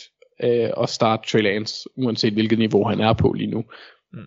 Hvis han sådan t- ikke rigtig er klar, og de vil satse på at vinde i år, så bliver det med Jimmy G. Så der er, der er for mange visser til, at jeg kan sætte mig helt bestemt på, på en plads der i forhold til, hvis de når finalen, at det så bliver med den og den quarterback. Lige nu går jeg ud fra, at det er Jimmy Ja. G. Modtaget. Thijs, du har fået lov og øh, fået æren af at snakke om øh, Arizona Cardinals. Ja. Jamen, best case er egentlig, at Cliff Kingsbury beviser sig. Det, det, det er egentlig lidt sådan uh, Raiders-agtigt. Ja. Jeg også sagde med, John, med John Gruden på en eller anden måde. De har jo i høj grad brug for at se, at Cliff Kingsbury kan la- øh, sammensætte et godt angreb, hvor at det ser, det ser dynamisk, det ser spændende ud, hvor Kyler Murray øh, for alvor bryder igennem og etablerer sig som den top 10 quarterback, han har talentet til øh, at, at være. Nogle måske, måske mener, han er, men i hvert fald altså, manifesterer sig som en top 10 quarterback, øh, måske med pil opad. Øh, det er jo det, er de allermest har brug for, at, at vide, at, at det går i den rigtige retning, og Kyler Murray stadig går i den rigtige retning. Øhm, hvis det sker, kan man sige, så sker det jo nok på baggrund af, at den offensive linje bliver lidt bedre, at de får gang i lidt flere receiver, og måske uh, Rondale Moore bliver en succes, og, og Christian Kirk også har en fornuftig sæson. Øh, og så kan det jo godt være, at de kan gøre det udmærket. Altså jeg ved ikke helt, at deres forsvar har jeg lidt svært ved at finde ud af, hvad deres upside er, fordi jeg et, ikke tror ret meget på Vince Joseph, og to, ikke synes, at de har så mange upside-spillere rundt omkring. Øh, det er jo nok Simmons og Savin Collins, plus et par af deres lidt unge secondary-spillere, som altså der spiller i deres secondary, som, som skal tage et skridt op. Men jeg føler, at det her forsvar, det er svært, det er svært for mig at se, at det bliver meget bedre end lidt over middel. Så det er angrebet, der skal, der skal pike, hvis de skal have en, en, best case scenario sæson.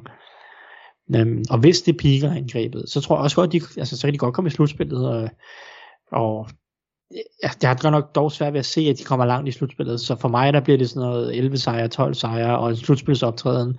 Måske vinder de en enkelt kamp, men jeg tror ikke, de sådan rigtig truer øh, for at komme i en NFC-finale. Så, så det er Nej. lidt sådan, jeg ser deres best case, og, og som sagt, det allervigtigste i deres best case, det er, at Kyler Murray øh, tager endnu et skridt op af rangstigen, og virkelig ligner en, en stjerne. Om det så er på baggrund af, at han bærer hele lortet selv, eller på baggrund af, at Cliff Kingsbury bliver bedre, det er måske faktisk ikke så vigtigt, fordi så kan de altid fyre Cliff Kingsbury, og så må de finde en anden en til. Men hvis Kyler Murray i det mindste bare ligner en superstjerne, så, øh, så har det også været en fin sæson. Men uh, best case, tror jeg, 12 sejre, slutspil, og så nok ikke så meget mere end det. Okay. Mark, øh, du har fået lov til at afslutte øh, uh, NFC West med at kigge her på Seattle Seahawks, og jeg synes jo, det, det er et interessant hold, fordi det er et af de der hold, som har en af de der top, top quarterbacks, men hvor man godt kan tillade sig at stille en del spørgsmålstegn til resten af holdet. Uh, så hvor, hvor ser du deres best case scenario ende hen? Ja, det kan godt være, at øh, du får en seerstorm, eller et øh, lytterstorm, og det kan også godt være, at øh, I vil ende med at sige, at jeg er for hård her, men jeg synes, jeg er sød, når jeg siger, at øh, divisional round runden er, er max for Seahawks i år. Altså, jeg elsker Ja. Wilson, men jeg synes bare, at det er, er svært at se, at forsvaret, selv i en best case, kan være godt nok til at nå til meget mere end divisional runden. Øhm, lad os bare sige her i løbet af sæsonen i en best case, deres angreb ruller og spiller på alle tangenter, så skal det efter min mening stadig være Chiefs-agtigt godt. Og der har jeg altså stadigvæk så meget respekt for Reader med Holmes til at sige, det, det tror jeg ikke rigtig andre kan lige nu. Jeg tror ikke, man kan bygge et hold op på den måde, hvor man kan hero-balle med en quarterback, som er eminent god, men lad resten af holdet stå til, øh, specielt på forsvaret, uden at, altså, uden at det bliver et stort problem. Så min best case for Seahawks, det er, at øh, Ross, han, jamen, han spiller på et MVP-niveau i løbet af hele sæsonen. Han kæmper med, hvad han kan. Men han kan ikke løfte holdet til mere end de 10-11 sejre. Øh, de ender med at kæmpe intens med Rams, og måske 49ers om titlen i NFC West. Ross, han bliver endelig MVP for sin heroiske indsats i grundspillet, men de kommer altså til kort i en divisional runde, hvor at et varmt, whatever, Packers, Bucks, Rams hold, ender med at sende dem ud. Øhm, ja, det er, det er altså min mening om, om deres best case, og det, det er muligt, det er lidt hårdt, men, men jeg synes altså også, det skal være lidt realistisk. Jamen helt klart, det skal det da.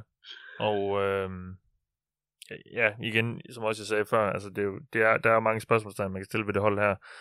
Men man, når man har den her quarterback, så kan man jo nå langt, og det er divisionsrunden jo også for et hold. Øhm, Ja, det er jo det, det jeg mener, og det er også det, det er jo ikke for at ja. være kæk, når jeg siger, at jeg synes, jeg er sød, når jeg gør det. Det synes jeg er et kompliment til Russell Wilson. Det er Ja, ikke fordi, de ja. ikke har playmakers på angrebet, de har nogle super dygtige wide receivers og, og så videre. Det er ikke fordi, de ikke har enkelte spillere, der er gode, men havde det bare været en gennemsnitlig quarterback, der spillede på det her hold, så havde de været virkelig dårlige, tror jeg. Altså, det, det havde de. Ja. Øh, det, det er, de kan godt få et grimt år. Og hvis jeg skulle tale sådan realistisk set om, hvad jeg tror, de kunne gøre, altså, jeg, har, jeg er ikke sikker på, at jeg har dem til at nå slutspillet overhovedet i år. Øh, så, så, så, så det er måske også ud fra det perspektiv af, hvad jeg realistisk tror, der kommer til at ske. Jeg selvfølgelig jeg strækker mig, når jeg går i best case her. Øh, men altså, ja, jeg kan jo selvfølgelig tage fejl. Nej. Den soundbite beholder du bare. Yes. Uh, nu skal vi til NFC East, Anders, og der har du to hold. Det første, det er Philadelphia Eagles. Oh yeah. Jeg har sagt øh, 7 og 10. 7 og 10? Ja, Okay. kan man ikke Ja. det? Jo, det kan man da godt. Jo, det kan man vel godt. Men altså, jeg har svært ved at tro, at det bliver øh, over 500 hold øh, med, med, med, med den sammensætning, de har. Fordi de er meget afhængige af, hvis de skal øh, blive et godt hold, af meget unge spillere. Særligt på angrebet. Øh, det bliver, altså så Jalen Hurts, Devontae Smith, Jalen Rager, de skal slå igennem alle sammen, hvis de skal over 500. Så derfor, det tror jeg ikke sker. Øh, jeg tror godt, at de kan præstere på et fint niveau og have en middelmodig offensiv linje, øh, hvor Brandon Brooks han vender tilbage og er, øh, er, er godt spillende. Jason Kelsey er godt spillende. Lane Johnson er godt spillende. Jeg er meget usikker på venstre side. Øh, der går rygter om, at de har øh, forsøgt at handle Andre Dillard. Det ved jeg ikke, om det er, passer. Men uanset hvad, så er det øh, Jordan Mailata eller ham, der spiller venstre tackle. Det er Isaac Sormalo eller, eller Landon Dickinson. Dickerson, der, øh, der spiller øh, venstre guard. Så det, det er en rimelig uprøvet, kan man sige, side. Så derfor vil jeg ikke tillægge dem for meget på forsvaret. Der tror jeg bare ikke, at de bliver gode nok, selv i en best case, til at, at være et af de bedre hold øh, i, øh, i, i NFC East, for den sags skyld. Øhm, så ja, i, i min optik, der er de for, de er for gamle til at være gode. Øh, det er lige, altså, de har selvfølgelig en, en Super Bowl MVP, øh, der kan gå ind og, og tage øh, quarterback-pladsen, hvis Jalen Hurts han er dårlig. Og, og, og han har vist, at han kan ramme guld. Øh, men jeg tror ikke lige på, at, at Eagles har sammensætning til at gøre Joe Flacco til en vinder igen. Øh, Nej. Ja, de er vel både for gamle og, og på en måde også for unge og uerfarne. Vel? Jamen, det er en- Og det en- så, det er en der tænker jeg så lidt på, på Hurts og Sirianni. Ja, øh, ja, det kan man jo godt sige, øh, men træneren havde egentlig ikke rigtig taget med, fordi han, han er for ubeskrevet for mig i forhold til, hvordan han præsterer. Jeg ved Ja. ja. godt, at han har givet nogle dårlige vibes, men jeg vil gerne se, hvad der sker. Ja, ja. Øh, og for, forsvaret synes jeg er gammelt, det er egentlig der, og angrebet er ungt, på nær på den offensive linje. Men dem, de er Ja. afhængige af, der skal, der skal præstere, øh, er unge. Jeg vil sige, at deres receivergruppe kan gå hen og blive rigtig, rigtig god. Fordi Jalen Rager og Devonta Smith kan godt være gode spillere. Travis Fulgham har vist, at han kan være det. Han, måske, han, er, altså, han havde i hvert fald lige en periode. Greg Ward det samme. De, havde, de to John Hightower sidste år, der kan være en god dy- dyb trussel. Ikke? Så de har komponenterne til ja. at være et hold, der kan have en meget øh, balanceret receivergruppe. De har også JJ og sikker Whiteside, men, men men, øh, selv i best case, der bliver han ikke meget bedre end dårlig. Så øh, ja, så, og, og så, ja, så de, de kan blive middelmodige på, ja, altså over hele linjen i best case i mine øjne. Jeg tror ikke, de bliver meget bedre end det. Lad os se, om det kan blive til lidt mere i Dallas Cowboys, Thijs. Jamen, det tror jeg, det godt kan. Det tror jeg, det tror jeg på. Øhm, jeg, jeg valgte at gå fuld mark her, og sige, jeg synes best case, det er, at det vinder Super Bowl.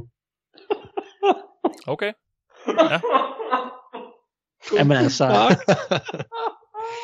jeg, jeg har det lidt sådan, at, at der er selvfølgelig nogle ting, der skal ske, men jeg synes bare egentlig, at det her angreb er så godt potentielt i best case, at det kan sgu bære næsten det hele på forsvaret. Altså, selvfølgelig i et best case scenario, så skal forsvaret også præstere mere, end det gjorde sidste år.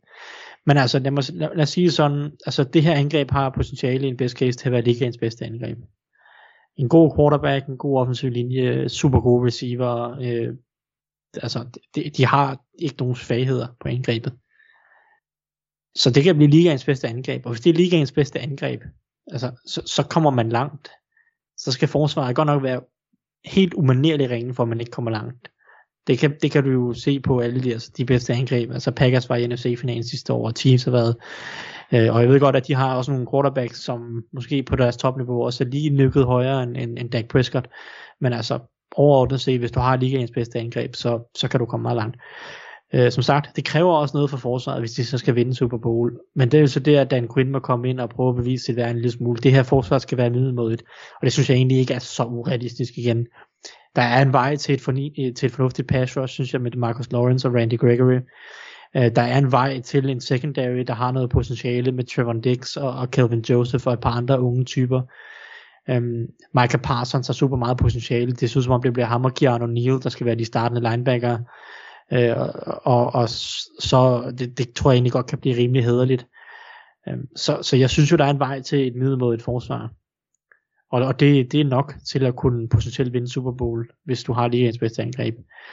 Um, så, så, så jeg, jeg går fuld mark her, og så siger jeg, at Cowboys de kan godt vinde Super Bowl i et best case scenario, fordi det synes jeg egentlig, de godt kan. Okay. Og hvor det klæder dig, Thijs, hvis jeg må sige det. Det er jo dejligt. Jeg fuld mark, ja. Ja, det er Ja. skønt. Jamen, øh, ja, det var lidt fra den ene yderlighed, yderlighed til den anden. Men øh, spændende. NFC East er altid øh, underholdende. Nå, øh, og vi fortsætter jo i NFC East med New York Giants, Mark. Ja, gaven ingen vil have, der blev ved med at give. Altså, ja. øh, pff, den er hård med Giants, synes jeg. Og hvis alt flasker, så kan de så vinde NFC East. Jeg, jeg tror det sgu ikke.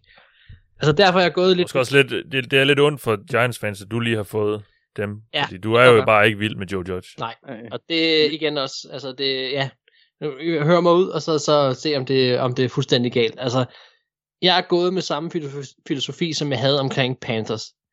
Det er en division, hvor der er en klar favorit. Jeg tror ikke i best case, at nogen af de to hold kommer til at hverken at kunne slå Dallas eller henholdsvis Box. Det er det, der er i hvert fald er min, min tanke. Men hvis alt går Giants vej, så kan de sgu godt komme nummer to. Og de kan godt kæmpe mere med et wildcard også. Hvis de skal vinde divisionen, altså, så snakker vi om, at de rammer deres best case, samtidig med at Cowboys rammer deres worst case. Og så synes jeg, det er lige at strække den, den der idé om et realistisk loft for holdet.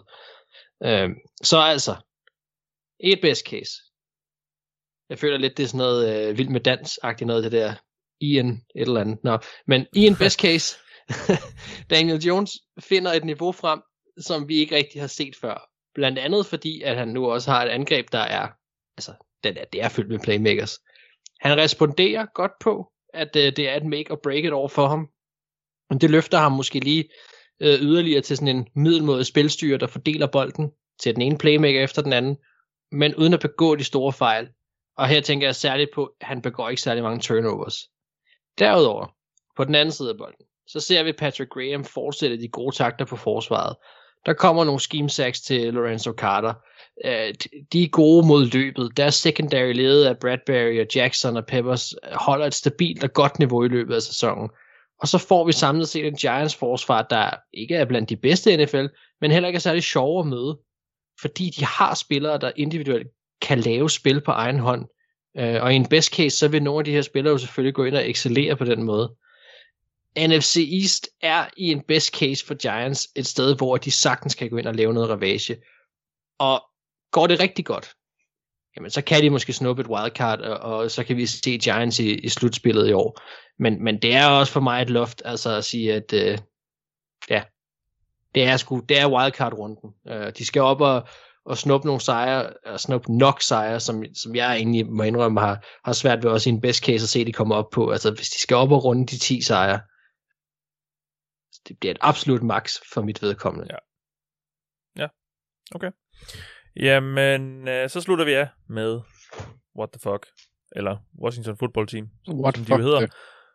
Øh, Anders, og det er, det er din opgave at fortælle os lidt om deres best case scenario i år. Ja, fra fuld mark til et mark til mig.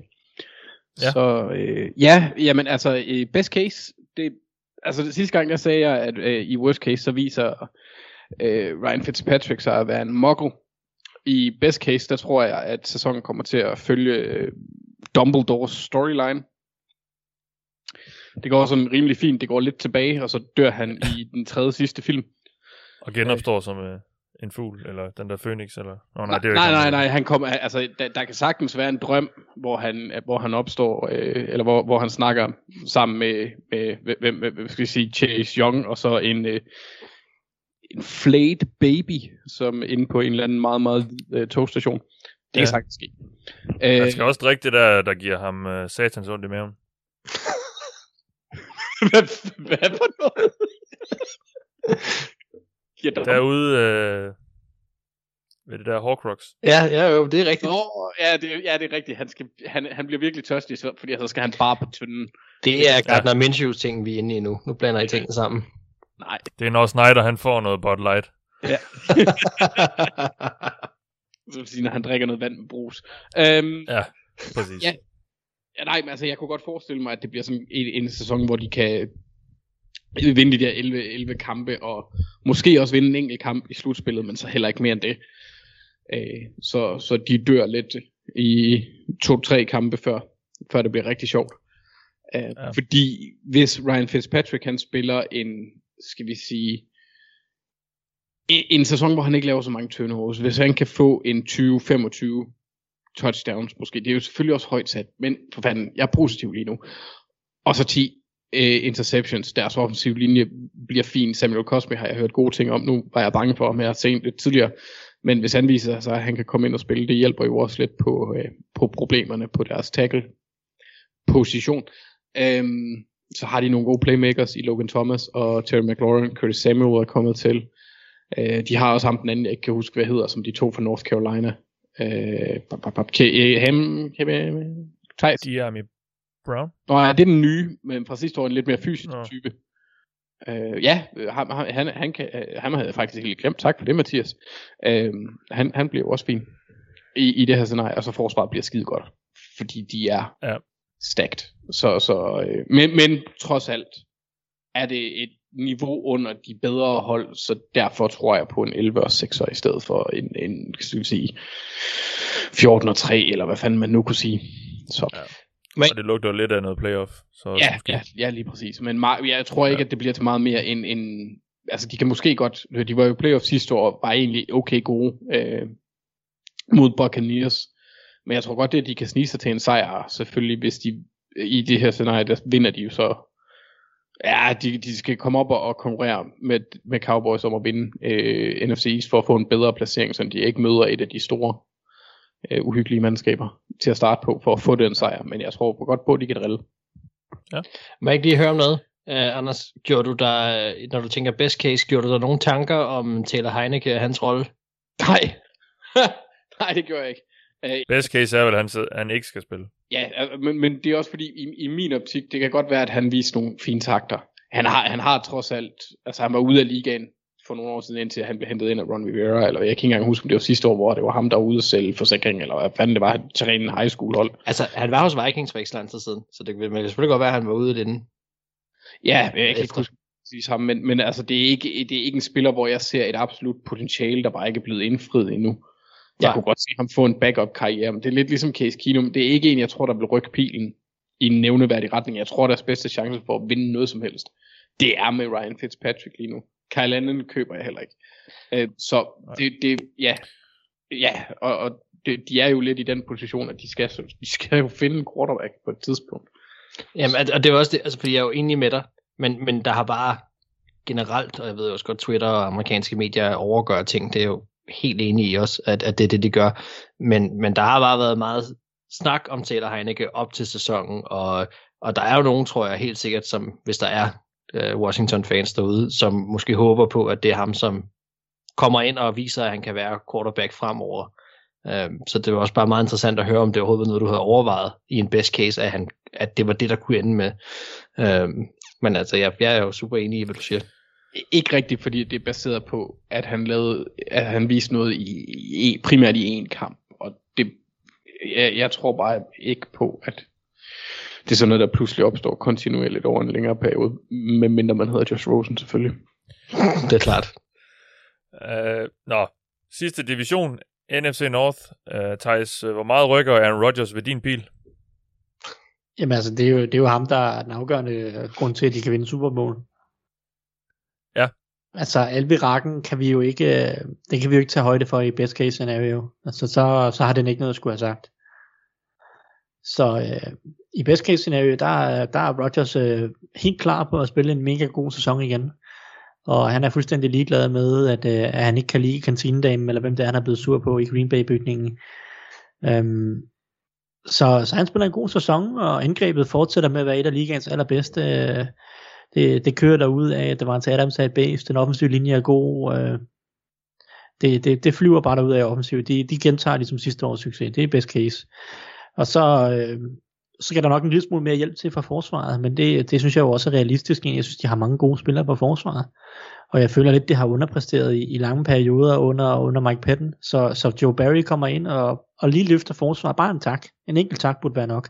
Fordi Packers har jo egentlig de sidste to år nærmest... Øh, for to år siden havde de ikke rigtig niveauet til at vinde Super Bowl, øh, selvom de kom i NFC-finalen. Sidste år havde de niveauet. Det kunne lige så godt have været dem. Altså det var marginaler og, og, og lidt, øh, lidt tvivlsom coaching i afgørende øjeblikke og sådan nogle ting. Øhm, så altså, de skal egentlig bare gøre det samme som sidste år. Og så lidt mere marginalerne på deres side, lidt bedre forsvar. Og så øh, lidt bedre coaching fra Lafleur, og så, så er den egentlig hjemme. Så selvfølgelig kan Packers vinde Super Bowl, det må være en best case. Modtaget. Jamen, så skal vi høre om Vikings, Mark. Uh, ja, ej, hvor lød du øh, spændt og glad for, at vi skulle det. Det er dejligt. Jamen, det var jo... Øh, jeg var jo positivt overrasket i sidste uge over, at du havde så nemt ved at finde grunden til, at det kunne gå galt. Så nu er jeg så spændt på, hvordan øh, du har grebet det her ind. Ja, ja hvordan det har vi. Øh, ja, nej, altså, jeg har lyst til at sige, at loftet for Vikings i år, det er en, nærmest en decideret repeat af 2018-sæsonen. Altså, man har lyst til at sige, at øh, jeg, jeg kunne godt finde på at så sige, at det måske vil slutte en kamp, før vi ender i division-runden eller noget af den stil, men men en virkelig pil opad, så måske NFL, eller ej, NFC-finalen, øh, som en virkelig best case. Altså hvis alt flasker sig for Vikings, så holder deres angreb niveau for sidste år. Christian Darisaw, han bliver hurtigt klar, spiller sig varm, og deres forsvar præsterer, ja, nok for en af de sidste gange, på et top 5 niveau. Uh, Vikings har manglet den kvalitet på forsvaret, de har i år på flere positioner et stykke tid nu, men vi kommer til at se de to store nose tackles være en force mod løbet, så vi ikke skal se Xavier Woods eller Harrison Smith i den rolle, som Anthony Harris havde sidste år, hvor man trækker en mand for, for coverage for at lukke de huller, som Jamar Steven ikke kunne, øh, eller han efterlod i løbespillet. I stedet så gør det så plads til, at man kan dedikere noget ekstra, en ekstra mand til pass coverage, og så vil vi se et langt mere stabilt pass coverage hold øh, over hele sæsonen.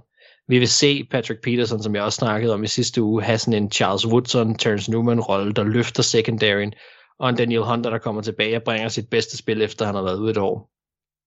Derudover er noget af det mest spændende, hvis jeg skal være helt ærlig, jeg har taget med mig fra deres training camp, det her Mike Zimmer og Kubiak åbenbart øh, prædiker en mere aggressiv øh, tilgang til angrebet. Og det forstår jeg i hvert fald som om, at det er færre af de her dump-off plays, vi har set så tit for Kirk Cousins. Øh, de snakker meget om det der plus 5 yards øh, kast, øh, og, og det er jeg jo meget enig i. Øh, så altså, at det tidligere har været under, og det tidligere har været det, de sikre konservative spilkald har været ind på. Så hvis de kan ændre strategi på den måde og være mere aggressive, øh, så øh, så begynder det at være interessant, og specielt i en best case. Så i en best case, så ser vi jo et, et, et Vikings-angreb, der er mere aggressiv, specielt i kastangrebet, som tør blive ved med at være aggressiv i løbet af en hel kamp, også selvom at de skulle komme foran. Så altså alt i alt, realistisk set er der flere tvivlsomme scenarier, der gør, at man med rette kan tillade sig at være skeptisk over for Vikings, når det gælder de sådan helt store resultater, men i en best case, så går mange af de her ting altså deres vej, og så kan de sagtens være med langt hen ad vejen. Og, og hvis jeg skal sætte et, form for øh, sejreantal på, så er det omkring de 12-13 sejre, og så er det enten ja, divisional, eller måske hvis vi skal være rigtig søde, øh, så, er det, så er det lige en kamp mere. Men, øh, men ja. så nok heller ikke længere end det. Nej, okay. Anders, øh, dit sidste hold, det Ja. er Detroit Lions. Ja, jeg sidder stadigvæk og knækker lidt i din Dumbledore-joke, fordi jeg, jeg lige forstod den nu, at han, han virkelig er ked af, at han sidder og virkelig skal skide, når han er midt ude på en ø omgivet af zombier. Det kan jeg godt forstå. Ja. Øhm, ja, øh, hold på øh, hat og briller og knæbeskyttere. Best case, 10 og 7. Okay. Så Lions, de kan gå 10 og 7, men Eagles kan kun gå 7 og 10. fuck Okay. Det er så fordi, at de simpelthen bare bider knæskallerne over på alle deres modstandere. Lige præcis. Nej, det er, og så er det fordi, at de steder, hvor man skal være god, der kan Lions blive gode. Øh, sådan, de, de, de er gode. De kan blive gode på den offensive linje, de kan blive gode på den defensive linje. Øh, de får en Jan, hvilket er altid er godt. Øh, TJ Hawkinson, han, han, han bryder ud. Han, han, han bliver en stjerne, og øh, Tyrell Williams, nu snakker vi jo i situationer, hvor der ikke er skader, er en fin receiver. Rashard Perriman er en, en, en okay receiver, han kan godt få en 800 yards. Øh, Amon Ra St. Brown går hen og viser, at han er et af årets steals i, i, fra draften. Og så øh, får de inkorporeret, og det, det ved jeg godt lyder absurd det her, fordi vi snakker jo trods alt om Anthony Lynn som offensiv spilkalder, hvilket han ikke har gjort før. Øh, men de bliver lidt kreative på, på angrebet også, fordi de har nogle rimelig swifty, og det er ikke meningen, at det skal forstås, at de har DeAndre Swift. Jeg tænker mere på Jamal Williams. Øh, running backs, øh, som kan bruges i kasterspillet, øh, kan bruges på forskellige måder. Og så øh, øh, skal vi jo heller aldrig nogensinde glemme, at øh, Thijs' store kærlighed oftest bliver kastet på spillere, der øh, er okay gode. Øh, for det meste, på nær lige Cedric Wilson. Øh, Ali McNeil bliver et øh, bedst op i midten. Øh, Levi Unwuzurike det samme, eller bliver i hvert fald god nok. Så har de Michael Brockers, ham, Nicholas Williams, Trey Flowers. Så, så, så deres defensive linje bliver, bliver et bedst. Romeo Okwara. Kommer til at spille øh, pass rusher. Han er så lige nu i det, i det, jeg sidder og kigger på i forhold til deres depth chart, er de rang, øh, rangeret som en, en, en 3-4, men det ved vi jo godt, det er en flydende kombination. Men øh, Oguara, han bliver primært en pass rusher. Øhm, så jeg var lige ved at nævne ham, Thijs. Øhm, Jeff Okuda. Okay, det er godt. Tak, tak. Jeff Okuda, han, han viser, hvorfor han blev taget som nummer 3 i 2020. Og så har de en, en rimelig okay øh, corner modsat ham i øh, Armani Udovarie. Øh, Efeato Milifonwu viser også, at, at det var enormt god værdi at tage ham i tredje runde. Så de har en, en tredje øh, Øh, cornerback, på det, der også kan præstere. Og så er Tracy Walker også en fin safety. Så, så de har øhm, de har potentialet, om end der er meget, der skal lykkes, for at det, det går op i en højere enhed, men så tror jeg altså godt øh, i en best case, at et hold trænet af Dan Campbell som deres øh, galionsfigur, om man vil, og så øh, anført Aaron Glenn på forsvaret, og så med lidt kreativ øh, indspark fra deres wide receiver coach i Antoine Randall der skal hjælpe Anthony Lynn lidt med at, at tænke fremad, så kan det godt gå op i en højere enhed, hvis alt flasker sig. Okay. Så må jeg, må jeg opsummere. Så, Ja. så grund til, at Giants de kan gå 10 og 7, og Eagles kun kan gå 7 og 10, det er, fordi Giants kan blive gode på den offensive Lions, linje. Hvad? Lions. Ja, Lions, hvad sagde jeg? Så er det Giants. Giants. Nå, undskyld. Så grund til, at Lions kan gå 10 og 7, og Eagles kun kan gå 7 og 10, det er, fordi Lions har en god offensiv linje, hvilket Eagles ikke har. Lions har en god defensiv linje, hvilket Eagles ikke har. Lions har en god tight end, hvilket Eagles ikke har. Og, og, og hvor var det så, vi, altså så kom vi ned i nogle... Corners. Og corners, hvilket Eagles ikke har. Eagles har ikke gode corners. Darius Slay og øh, Steven Nelson, de er ikke bedre end Okuda og Udovaria. Ikke potentialemæssigt. Nå, okay. Jamen, øh, jeg skulle bare lige være med. Der er en, der er skeptisk der. Jeg skulle bare lige se, hvor forskellen lå på de to hold. Jamen, øh, undskyld. Jamen, øh, øh, jeg, jeg, jeg, altså, Det er jo fordi, de også- spiller mod modstandere uden knæ, Thijs. Ja, okay. Ja. Jamen, der kan jeg også se, at de har knækket koden. Um, Og så tror jeg, altså de har jo også, hvis øh, de får en god offensiv linje, så altså øh, Jared Goff er bare en, en mere jandet øh, quarterback, når han ikke er presset. ja, så, så det er, at det er Jan Goff, der giver de der tre sejre. Øh, det, er bedre end Jan Hurts. Ja. Ej, det er tid til at være færdig nu. Vi har heldigvis også kun et hold tilbage, så det er dit, det er Chicago Bears. Yes. Uh, I best case scenario for Chicago Bears, der kommer Jan Fields ind og bare præsterer fra start af. De hedder altså noget med J, så det er faktisk, Det er godt. den kan godt bruges. yes. Um, ej, uh, Bears, i deres best case scenario, så er det Fields, der, der kører den hele vejen igennem. Øh, det kan godt være, at han ikke får lov til at starte, men så kommer han i hvert fald, altså starte sæsonen, men så kommer han i hvert fald hurtigt på banen. øh, fordi Andy Dalton, han slår sin lille tog eller et eller andet. Um, ind, med, ind med Jan Fields, og så spiller han godt, og så det her forsvar, måske vigtigst af alt, løfter sit niveau, for det er jo selvfølgelig ikke, vi kan ikke forvente, at Fields han bærer hele holdet. Øhm, så vi har brug for et godt forsvar, som de jo havde for et par sæsoner siden, da de var i slutspillet. Og det er så Sean Desai, der er den nye defensive koordinator. Og ham har der jo mange gode, altså der, der, der er en rigtig god vibe omkring ham. Han har arbejdet sig op rimelig hurtigt, en rimelig ung defensive koordinator, som der er rigtig mange gode forlydende omkring. Så han kommer ind og, og, og gør nogle spændende ting med det her forsvar. Han er jo en, en, en Vic Fangio-disciple, Øh, så, så vi kan jo godt forvente ham, at han er helt med på moden i forhold til det her med ikke at gå så meget op i at stoppe løbet, men være dygtig til at stoppe kastet. Og Vic Fangio, han havde nogle gode år i Chicago, så hvis de kan finde nogle af de samme dyder frem, så har de jo stadig masser af gode spillere på forsvaret. Øh, selvfølgelig Eddie Jackson nede bagved, men også en, en hvad hedder han, øh, linebackeren øh, ud af Georgia, som jeg lige har glemt navnet på, fordi jeg Roquan Smith, tak. Uh, og så selvfølgelig Akeem Hicks og Robert Quinn og Khalil Mack op foran. Altså, der er jo masser af gode spillere på det her forsvar. Så det her forsvar kan jo godt blive et, et top 5 forsvar, der giver Justin Fields den støtte, han har brug for, for at bære holdet så har Fields jo bare masser af x-faktor og, og kan, give det her, kan give det her angreb. Altså, vi kan jo sagtens forestille os et Chicago-hold, som er gode defensivt, og har muligheden for at lave eksplosive spil offensivt. Selvom det bliver ujævnt offensivt, så har de en Donald Mooney, der kan strække banen. De har Justin Fields, der kaster en lækker dyb bold. De har nogle gode våben, Allen Robinson, Cole Kemet. Altså, det kan blive et super eksplosivt angreb, også selvom det er ujævnt. Og hvis du har et godt forsvar, så er det jo nogle gange bare det, du har brug for. At, at du rammer en 2, 3, 4 af de her store spil per kamp, som, som giver dig nogle point, og så kan du vinde kampen øh, på den måde. Så, så Bears har bestemt en måde, hvor de kan spille rigtig solid, øh, komplementær fodbold på, med Justin Fields på banen, og, og, og et Sean Desai øh, anført forsvar, der, der giver den gas. Øhm, kan de gå hele vejen med Fields og sådan noget i rookie-sæsonen? Det kan de selvfølgelig ikke, men altså, jeg synes, at slutspil er, er realistisk igen. Øh, det synes jeg, jeg har sagt meget i dag, men altså de her 10, 11, 12 sejre øh, med et godt forsvar, og Justin Fields, der, der kommer ind og spiller godt fra start af, og så, øh, så, så øh, det tror jeg er det realistiske for Bears, at de sniger sig med i slutspillet. Jeg har ikke nogen ja. forventninger om, at de skal gøre meget skade i slutspillet, men, Nej. men det, det, det, det, det, det er best case, synes jeg, for Bears. Og selvfølgelig igen det her med en rookie quarterback. Bare, bare at Justin Fields er god ud, det er jo selvfølgelig det vigtigste i best case scenario. Det er klart. Jamen det var alle 32 hold i den omgang.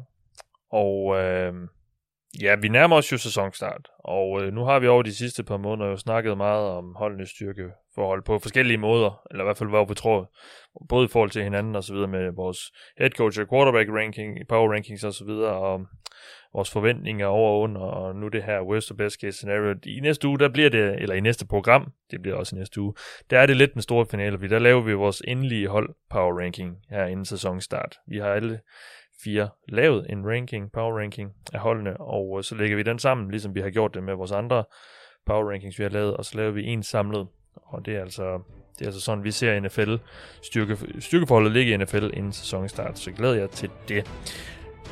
I den omgang, der har du lyttet til mig. Jeg hedder Mathias Sørensen. Med mig har haft Anders Kaltoft, Max Skafte, Våbengård og Thijs Joranger. Vi lyttes ved.